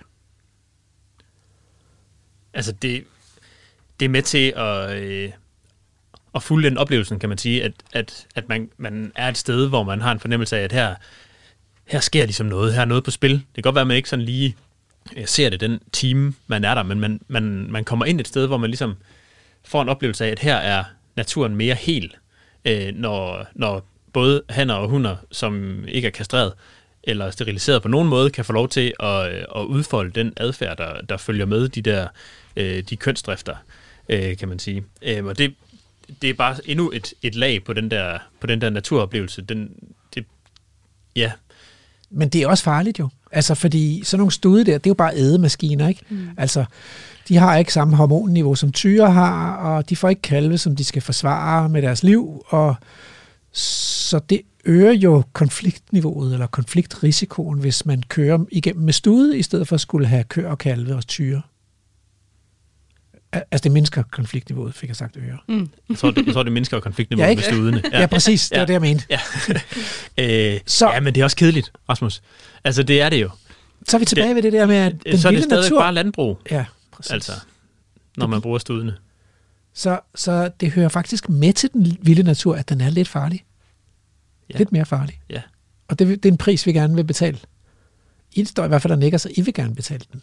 Ja, og det, og det, det håber jeg virkelig også, at de fleste danskere vil. Man kan sige, at mennesker er jo nok et vanedyr i bund og grund, så vi er jo blevet vant til, at naturen ikke nødvendigvis er et sted, der er farligt, for den er blevet tilpasset os, kan man sige. Så hvis vi går ud i naturen, så er der fjernet en farlig gren, hvis den hænger ud over den sti, jeg skal gå på, og der er ikke nogen store dyr, jeg skal bekymre mig om, og det værste, der kan ske, det er måske, hvis jeg får en skovflot med hjem. Men der er ligesom, øh, der er nogle ting, der skal ændres mm. i, vores, øh, i, vores, i vores tankegang omkring natur, som, øh, som flere af dem, vi har talt med, jo også har været inde på. Men jeg tror i virkeligheden også, at mennesket er ret tilpasningsdygtigt, så når det kommer til stykket, så, så kan vi nok også godt vende os til, at, øh, at nu er situationen på en anden måde, og øh, forhåbentlig så kan, kan det ligesom være med til at øge opfattelsen af, hvad er vild natur egentlig, og, og det kan jo forhåbentlig være, ja, starte en eller anden form for dominoeffekt, at øh, så kommer vi videre og får lavet mere og mere vild natur hen ad vejen. Mm. Men måske er det heller ikke så farligt, som man gør det til. Altså nu, nu, er der, nu har der været øh, vilde køer og vilde heste på Monsterlaboratoriet i fem år. Der har været heste i, øh, i, i Bødø og på Sydlangeland i en årrække. Og, sådan, og, og, og det er jo... Øh, jeg kender ikke til nogen tilfælde af, hvor folk er kommet til skade i de der områder, i hvert fald ikke med dyrene. Det kan godt være, at de er væltet på en mountainbike, men det har måske så ikke noget med dyrene at gøre. Mm. Øhm, der er mange flere konflikter i, øh, i områder, hvor, øh, hvor det er landbrugsdyr, man taler om. Altså, de er meget mere vant til mennesker. De opsøger mennesker hele tiden, fordi de tror, der er mad i lommerne eller et eller andet. Øhm, så, så, øh, så min oplevelse af at færdes ud i landskabet er, at det er mere utrygt og mere farligt at gå ind i de der hegninger, hvor, hvor det faktisk er tammedyr, eller hvad skal vi sige, der, der er der. Fordi de kommer bulrende hen og vil se, hvad det er for et sommerfuglnet, jeg har i hånden. Og pludselig er man omringet af 25 kvier, der står på 3 meters afstand og skubber rundt med hinanden. Mm. Øh, det sker ikke i de der vilde naturområder, fordi dyrene dybest set er ligeglade med, hvad man er der. Mm. Okay, er der en grænse for, hvor vildt det kan blive for jer? Altså, hvad, hvad kunne jeg foreslå? Og vi har talt om ulve tidligere. Bjørn? Altså, de der bjørne, som mest spiser blåbær, dem, det er okay.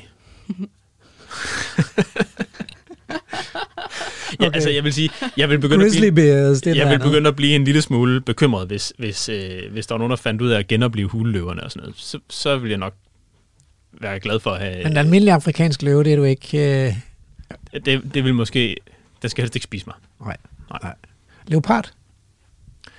Altså, øh, der er mange steder i verden, hvor, øh, hvor leoparder lever tæt på mennesker. Øh, det er måske ikke helt problemfrit, men, øh, men det går dog trods alt. Jeg kan mærke, at du faktisk godt, man kunne godt forhandle en leopard hjem hos dig, hvis det var dig, der var, der skulle Det kunne være fedt bestemme. med leoparder. Vi kunne starte med en los. Ja. Ikke? Øh, det, det er sådan et overskueligt dyr. Mm. Okay. Øhm, og, og hvad med de der, hvad med de der urørte skove, altså, øh, og hvad med, hvad med skovbruget og alt, hele den der kamp, der er omkring skovenes nytteværdi, ikke? Vi bruger dem til tømmer, og vi bruger dem til... Og der er arbejdspladser i det, og der er økonomi i det, og sådan noget. Øh, er, det, er det okay at bare bruge dem til vild natur? Altså, jeg, jeg, jeg tror, jeg vil, øh, vil lægge mig lidt op af, hvad Maria Rømmer Gjerding sagde her i første time. Altså, hun snakkede jo blandt andet om, at det, det er jo fint at have plads til, til de vilde skove, men vi skal også have plads til, at vi kan, vi kan lave noget tømmer i nogle andre steder. Og det, det synes jeg godt, man kan holde adskilt. Jeg tror ikke, man sådan skal sige enten eller. Øhm. Og hvis man skal have dyrene tilbage i skovene, som Jens Christian Svending jo er inde på her, så skal man jo til at vende sig til, at, at det egentlig bare er helt almindeligt, at når man kommer ud i et vildt naturområde, hvor man ikke har skov, gang i skovbrug eller landbrug eller sådan noget, så hører de store dyr til. Mm. Hvordan, hvordan øh, er, det, er det verden om 30 år? Det kunne man da kun håbe, vil jeg sige. men spørgsmålet er, om vi er kommet så langt. Jeg ved ikke om 30 år. Det er både lang tid, men må, måske også på sådan en politisk bane er det jo også lidt kort tid. Altså, det er næsten 30 år siden, jeg blev gift, og der er sådan et bryllupsbillede af mig, hvor jeg har sådan en t-shirt på, hvor der står Stop broen. Og det var så Øresundsbroen, jeg var modstander af dengang, fordi mm. at jeg kæmpede imod trafik og nye broer og nye motorveje og sådan noget. Det gjorde man, hvis man var ung og progressiv. Og jeg synes, det er ret fedt, at vi har en Øresundsbro, så man kan komme nemt til Sverige. Ikke? Og mm. jeg synes også, det er dejligt, at vi har en Storebæltsbro, så man kan øh, komme til København og frem og tilbage der. Så, så det har jeg vendet mig til, og er glad for. Så jeg tror ikke bare, at det går sådan også, når vi får den der vilde natur, at øh, når folk så begynder at bruge den, så vender vi os til det, og, og så bliver vi glade for det, fordi det er bare fascinerende. Altså det håber jeg, nu står jeg lige og krydser fingrene herovre. det, det kunne da være fedt, hvis det var, den, hvis det, var den, øh, det resultat, der kom ud af det, og det, det tror jeg, der er langt hen ad vejen, for som du siger, vi, vi vender os til rigtig mange ting. Vi kan også være modstandere af en motorvej, men vi finder netop også ud af, det var der egentlig ret fedt, jeg kunne komme lidt hurtigere på arbejde, eller jeg må besøge familien. Og sådan vil det jo også være med, med den vilde natur. Og hvis mm. det betyder, hvis det betyder, at man ikke har lyst til at, at løbe det sted, man plejer at løbe, jamen så finder man garanteret en anden rute. Altså, det gør man også, hvis der er vejarbejde på vejen. Så, så kører man også en anden vej, så den måske er lidt længere, eller et eller andet. Men nu skal vi simpelthen øh, skifte gear, ikke? fordi til sidst med Jens Christian Svending, så øh, talte vi jo også om, at dyrene ikke er det eneste, vi har tæmmet. Vi har også drænet vådområderne, og vi har også inddiget kysterne, og den der kystdynamik, den er jo med til at skabe noget af Danmarks mest enestående natur. Og måske er det lidt sådan et, en glemt historie. Nu har vi snakket ulv, og vi har snakket naturnationalparker og urørt skov. Men hvad med de der kyster og det vilde hav? Øhm, og for at blive lidt klogere på det, så har jeg ringet til øh, Torben Ebbenskov, der er biolog og arbejder i Kovi, og har lavet, øh, været med til at lave sådan en stor undersøgelse af, hvad kommer der egentlig til at ske i fremtidens Danmark, når havet stiger i takt med klimaændringerne. Du lytter til Radio 4. Velkommen til Vildspor, Torben Ebbenskov, øh, biolog i Kovi. Tak for det. Altså, har du, hedder du noget finere end biolog? Seniorprojektchef. Hvor, hvor, hvor fint skal det være? Ja, jeg hedder chefrådgiver, chef projektleder og portføljemanager, men det er jo ikke relevant. Jo, jeg er biolog. Fedt. Øh, og øh, det, jeg gerne vil tale med dig om nu, det er, at vi, vi har talt en masse her i programmet om, øh, om vildere natur i Danmark, om naturnationalparker, om det der med at give plads til naturen. Og, øh, og så kunne jeg godt tænke mig at tale med dig om en bestemt del af Danmarks natur, nemlig vores øh, lavt liggende kystnatur, øh, vores strandenge. Og først kunne jeg godt tænke mig at, at høre, hvorfor er vores strandenge vigtig øh, for Danmarks biodiversitet? Jamen altså, der er jo rigtig mange undersøgelser, som viser, at kystnaturen er der, hvor der stadig er noget dynamik. Der er øh, langt på strandingene, de her lavt liggende øh, områder, der er der oversvømmelser, der sker sedimentation og erosion. Og det betyder, at der er en masse forskellige levesteder, øh, som, som giver plads til en hel masse forskellige organismer. Øh, både nede i bunden, altså øh, den Øh, enorme diversitet, der er snegle, orme og krebsdyr, som giver fødegrundlag for fisk øh, ude i vandet og for fugle oppe på landjorden.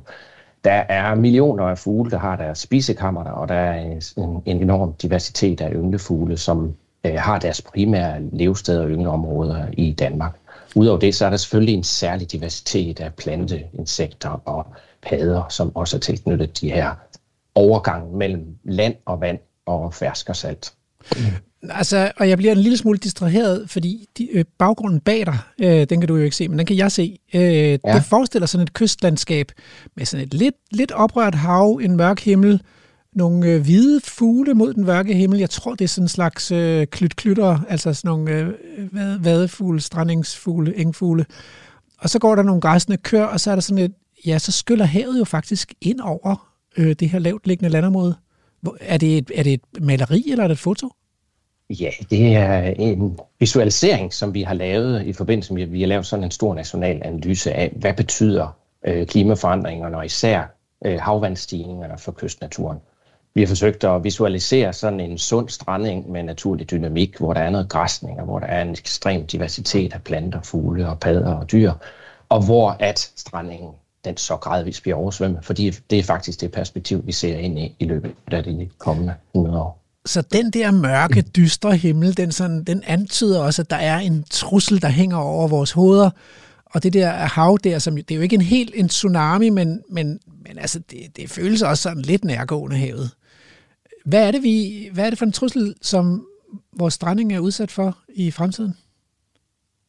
Jamen altså, i og med, vi har lavet den her nationale analyse, hvor vi ser på nogle fikspunkter om 50 og 100 år. Og inden for det 50 år, der vil vandstanden stige omkring øh, gennemsnitlig øh, 45 cm om 100 år, øh, omkring øh, en meters penge. Der vil selvfølgelig være nogle variationer inden for land, afhængig af landhævninger, og der vil også være nogle steder, hvor der bliver aflejret noget sediment. Men helt overordnet set vil øh, størsteparten af vores strandenge simpelthen forsvinde. Og det er både i den almindelige paragraf 3 beskyttede natur og i den allermest værdifulde natur, altså det vi kalder Natur 2000-områderne, dem som vi har en ekstremt stærk forpligtelse beskyttet, beskytte, fordi at de er simpelthen en del af vores vores øh, arv og e-, Europas allerfineste natur. Men du siger, at de vil, de vil forsvinde, de der stregninger. Jeg har været med til at lave sådan en analyse, der, der, der viser lidt om, hvor vi i Danmark har naturlig kystdynamik. Og mm. allerede i dag er der jo en masse steder, hvor vi ikke har naturlig kystdynamik, fordi vi har, sat, vi har bygget diger for at beskytte ja. landområder mod, at havet oversvømmer landområderne. Så store dele af Vadehavs, Vadehavsregionen og Limfjordsegnene er allerede beskyttet af diger. Det vil sige, at den, den, den vilde, dynamiske natur, den ligger på ydersiden af digerne, og inde på indersiden, der har man fået mulighed for at, at dyrke naturen og have kulturenge, som man afvander og gøder og omlægger og sådan noget. Så den her natur er jo allerede under pres i dag, men du siger, det bliver endnu værre. Ja, du har fuldstændig ret i, at øh, havde vi haft en sund natur hvor, og et sundt landskab, hvor at naturen havde plads til at være, være fri, og der ville være den her dynamik, hvor, hvor der kunne ske ja, udvikling, fri succession og erosion, så ville det ikke være det store problem. Så ville strandengene kunne flytte sig ind i landet, når havvandet stiger. Mm. Men øh, dels så er der en masse naturlige begrænsninger, især kystgrænter, hvor strandingen i dag ligger nedenfor. Der har strandingen ikke mulighed for at flytte sig, men langt de fleste steder, så er der bygget diger for at beskytte vores menneskeskabte værdier. Øh, vores byer, vores infrastruktur, vores havne og først og fremmest vores landbrugsarealer. Mm. Og, og der ligger de gode stranding, de ligger så på ydersiden af de her diger, ikke? Eller de ja. ligger i egne, hvor der, hvor der ikke har været behov for at bygge digerne. Men det du siger, det er, at dem mister vi altså til, til havstigningerne i fremtiden, hvis ja, ikke vi gør noget. Altså, vores analyse viser, at mere end 50 procent af strandingene de vil permanent forsvinde inden for næste 100 år. Altså bare ved den her øh, generelle stigning i middelhavvandsspejlet. Så er der en masse ekstrem hændelser også, som vil påvirke noget af den anden natur. Men strandingene, hvoraf vi har, har lavet en analyse også, der viser, at 15 procent af strandingen de ligger bag diger i dag. Mm. Øh, de 85 procent ligger udenfor. Og de 15 procent, der ligger bag diger, de mangler jo i øvrigt øh, den naturlige øh, dynamik med oversvømmelse og erosion, så det vil sige, at de bliver gradvist ferske og forsvinder alligevel. Og på sigt vil de blive oversvømmet med, med ferskvand indenfra, fordi når vandet stiger i havet udefra, og så, ja, så stiger havvandet også på den anden side af diget, mm. øh, fordi man ikke kan pumpe alle steder. Okay. Øhm, men det er klart, at der, der er mange steder, hvor at man kunne have håbet, at strandingen kan flytte sig. Den kan altså kun flytte sig på bekostning af den anden, den ferske natur. Og hvem... Uden at vi gør andet. Ja. Men altså i den rekonstruktion, du har bag dig, øh, det der øh, dejlige billede, der er jo en masse fugle. Hvad betyder mm. det for, for de fugle, øh, som i Danmark har deres eneste levested på de her øh, strandingsområder?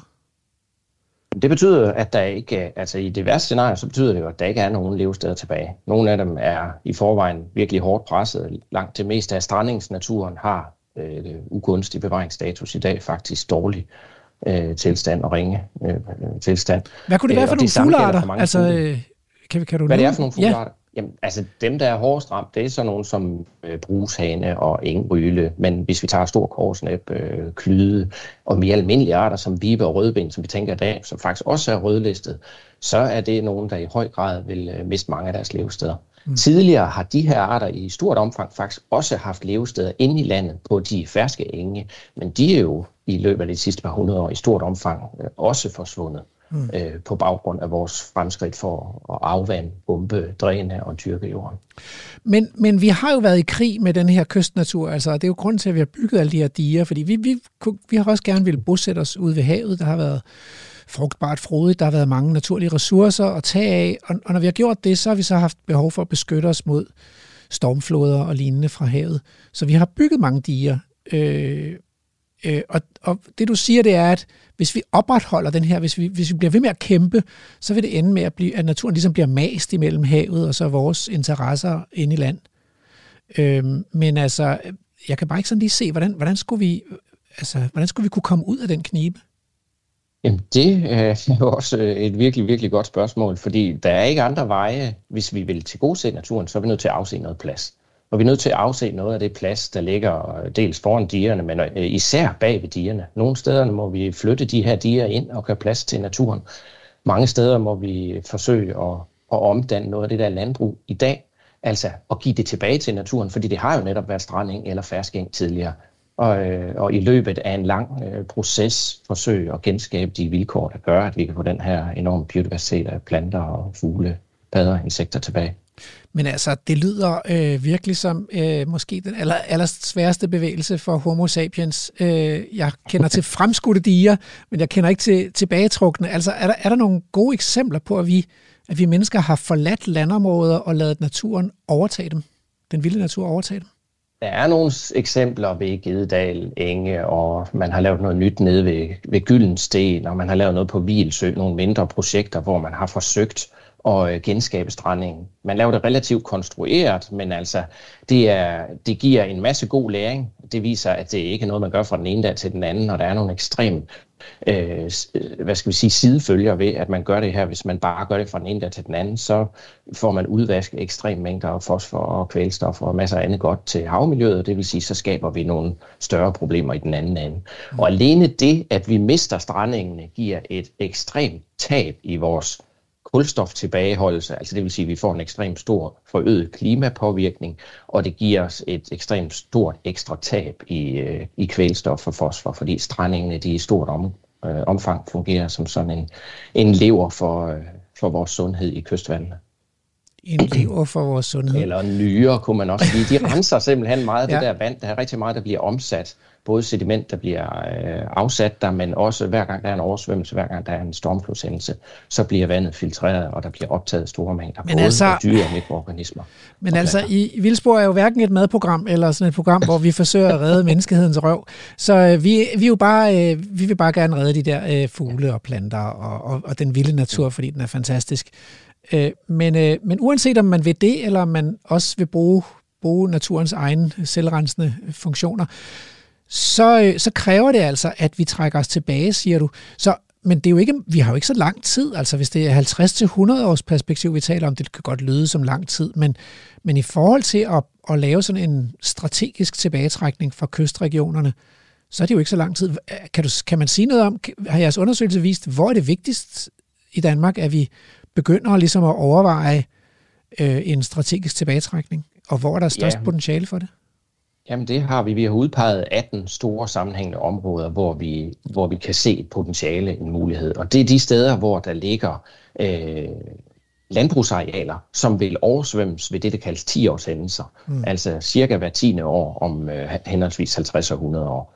Øh, steder, hvor man tænker, at det så alligevel ikke bliver rentabelt at dyrke jorden, så det vil måske være der, det var nemmest at komme igennem med noget multifunktionel jordfordeling, opkøb noget jord osv. Og så begynde i rigtig god tid, med det, man kalder ret tid i omhu, at få, øh, få udpint jorden, få etableret noget græsning, få stoppet øh, den dræning og grøftning, der er i dag, og gradvist vil oversvømmelserne medføre de her ændrede kemisk-biologiske forhold, øh, mm. som genskaber hele det økosystem, som er langs strandingen.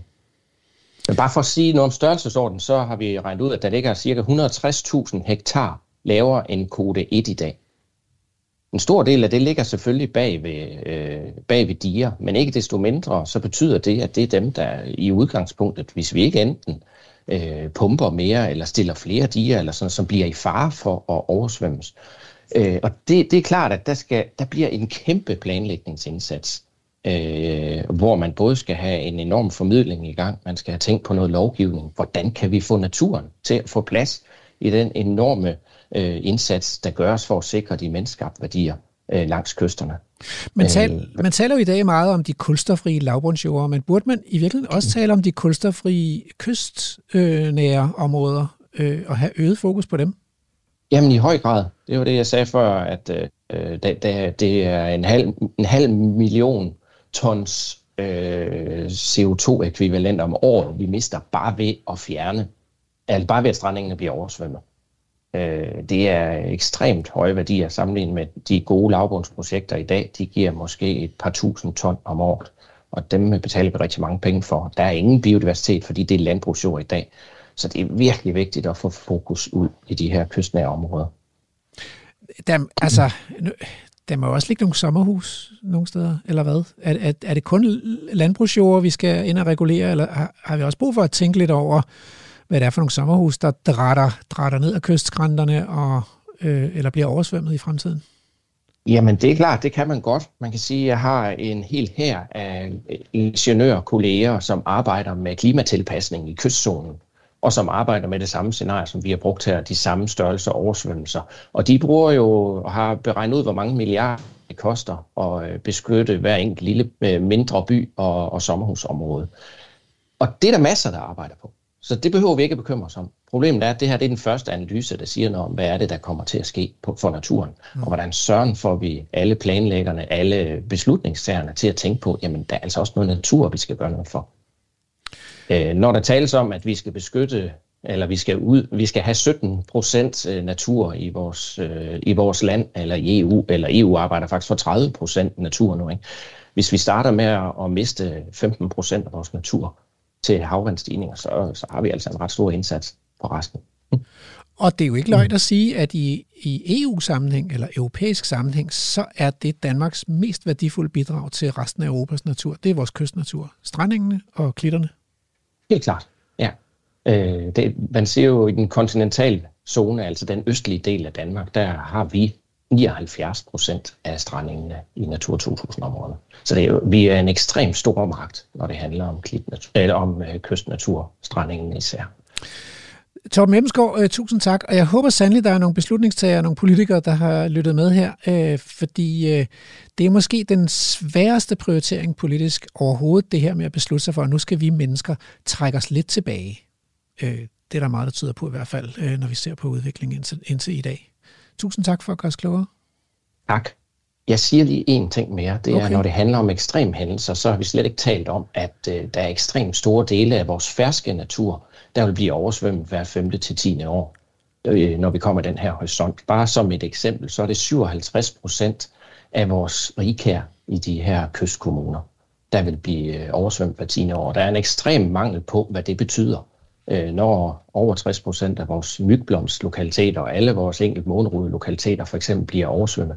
Hvad kan de klare? Så det, der er ekstremt behov for at få noget mere viden. Okay, vi skal også have mere viden. Og mygblomster og øh, enkel månerode, ja, det er altså to sjældne plantearter. Øh, ja. Ja, og dem holder vi meget af. Tak for at være med, ja. Torben, og gøre os klogere. Ja, velbekomme. Du lytter til Vildspors nytårsprogram, hvor det handler om vildere natur i Danmark, udsigterne, fremtidsudsigterne. Og med i studiet her har jeg vores feltsreportere, Lærker og Emil. Og der er jo en grund til, at vi har barrikaderet os mod havet. Jeg fandt simpelthen et opslag på på Google her ved Google-søgning, der lyder de værste stormfloder i Sønderjyllands historie, og jeg vil bare læse en lille en op her.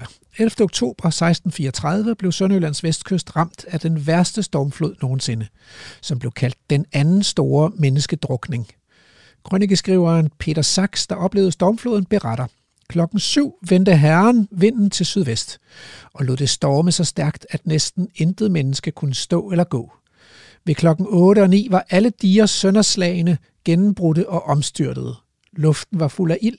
Hele himlen brændte, og Gud Herren lod det tordne regne, havle, lyne, og vinden blæste så stærk, at jordens grundvold bevægede sig. Og altså, øh, der er jo byer, der ligger på bunden af vaden, og der er sovne, der er skyllet i havet, og der er tusindvis af mennesker, som er døde under nogle af de her stormfloder. Så lød det lidt anderledes i øh, 24. november 1981 der lyder det kortfattet. Stormflod ramte især Esbjerg Havn, hvor vandstanden blev registreret til 4,33 meter over normalen. Det fremskudte dige var færdigbygget få måneder før og bestod sin første alvorlige prøve. Altså det er jo forskellen på total katastrofe, og så vi klarede den. Altså, vi modstod havet. Så man kan godt forstå, at der er mennesker, der har bygget de her diger. Ja, det må have været altså, forfærdeligt at opleve øh, hele ens livsgrundlag og måske også ens hus styrte direkte i havet. Det har da garanteret ikke været sjovt. Så jeg kan godt forstå, at man har, har bygget diger siden, så vi er mere trygge inde bag vores, øh, vores volde og mure. Og vi snakker farlig natur. Det her det er ligesom en anden størrelsesorden, end at, end at møde en ko og en kalv ude i et naturområde. Ja, altså det her, det, altså den beskrivelse der øh, med lyn og torden og øh, havl og øh, altså det, det vil ikke være sjovt. Nej. Øhm, men, øh, men noget andet, der heller ikke er sjovt, Emil, det er jo, hvis man nu kigger på fugle. Altså forestil dig lige, at 50 procent af, af strandingene bare er væk. Det har jeg ikke lyst til at forestille mig. Nej. Nej. Fordi for os andre botanikere, der, der er det sådan lige med fuglene, det er svært at kende forskel på de der engfugle alligevel, altså, og strandingsfugle. Men så er der enkelt månerude og, øh, og mygblomst. Mm. Altså Lærke, det er jo heller ikke særlig sjovt Ej, at skulle vinke farvel til dem. godt nok ikke sjovt. Nej, Nej. det bliver også lige lidt, lidt trist i slutningen af interviewet med Torben her. Men det er jo meget skægt, fordi der, i virkeligheden var der jo to muligheder, ikke? Når man har oplevet alle de der stormfloder i Sønderjylland og, og, og nede i Vadehavsregionen, i, man, man havde jo to muligheder, valgmuligheder. Man kunne jo have flyttet væk fra de farlige egne, og så kunne man så vælge at barrikadere sig og tage kampen mod naturen. Det er jo påfaldende, at vi mennesker næsten altid har valgt det sidste. Altså, vi simpelthen tager kampen op. Vi, vi rokker os ikke. Vi bliver. Ja, der må have været noget at komme efter. Altså, der må virkelig have været noget, der har været værd at kæmpe for, ja. siden man ikke bare har rømmet skidtet og flyttet op på toppen af bakken. Der boede sikkert også nogle andre mennesker, ikke? så der har også været en, en øh, kamp om pladsen mm. dengang sikkert. Mm. Men, men det kunne vi jo godt i dag, altså. Ja, det kunne vi jo godt. Altså, der bor jo også stadigvæk mennesker op på toppen af bakken nu.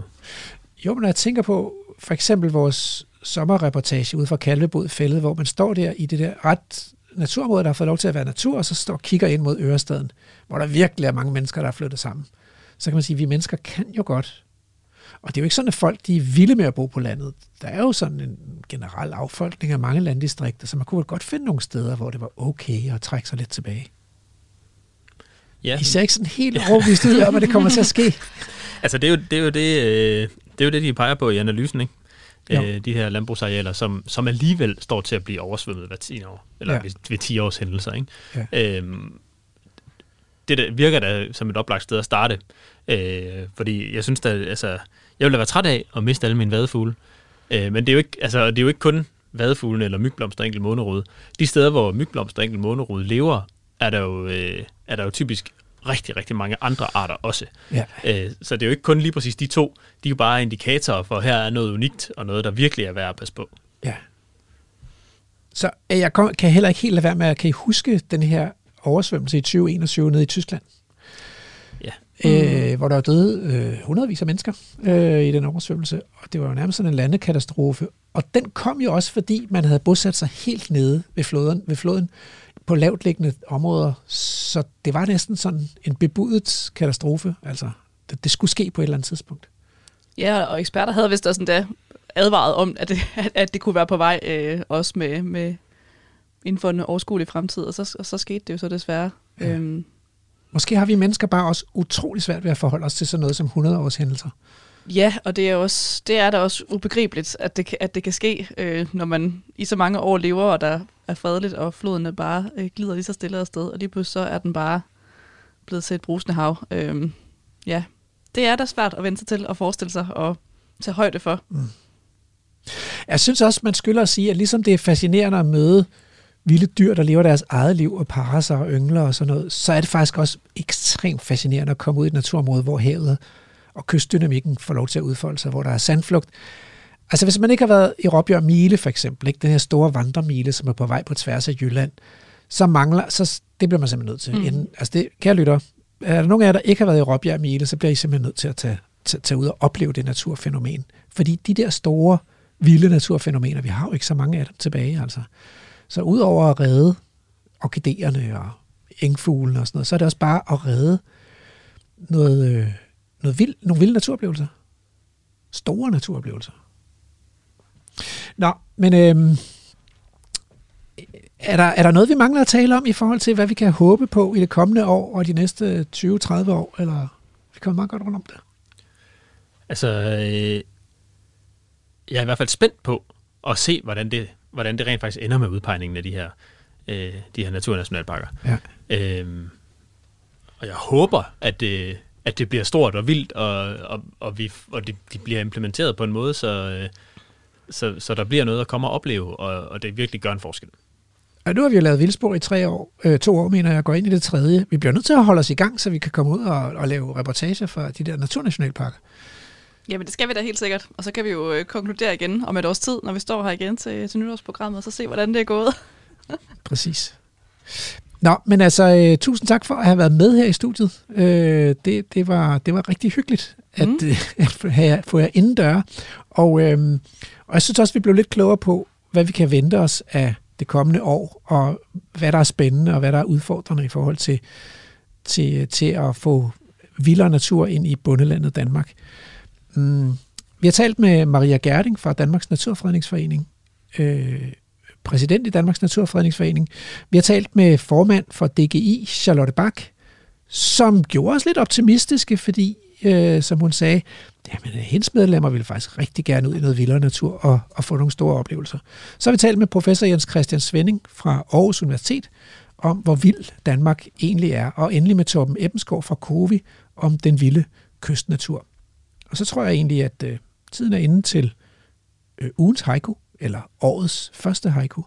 Trollurt blomstrer rødt, tyre stanger pandebrask, lykramagt falmer.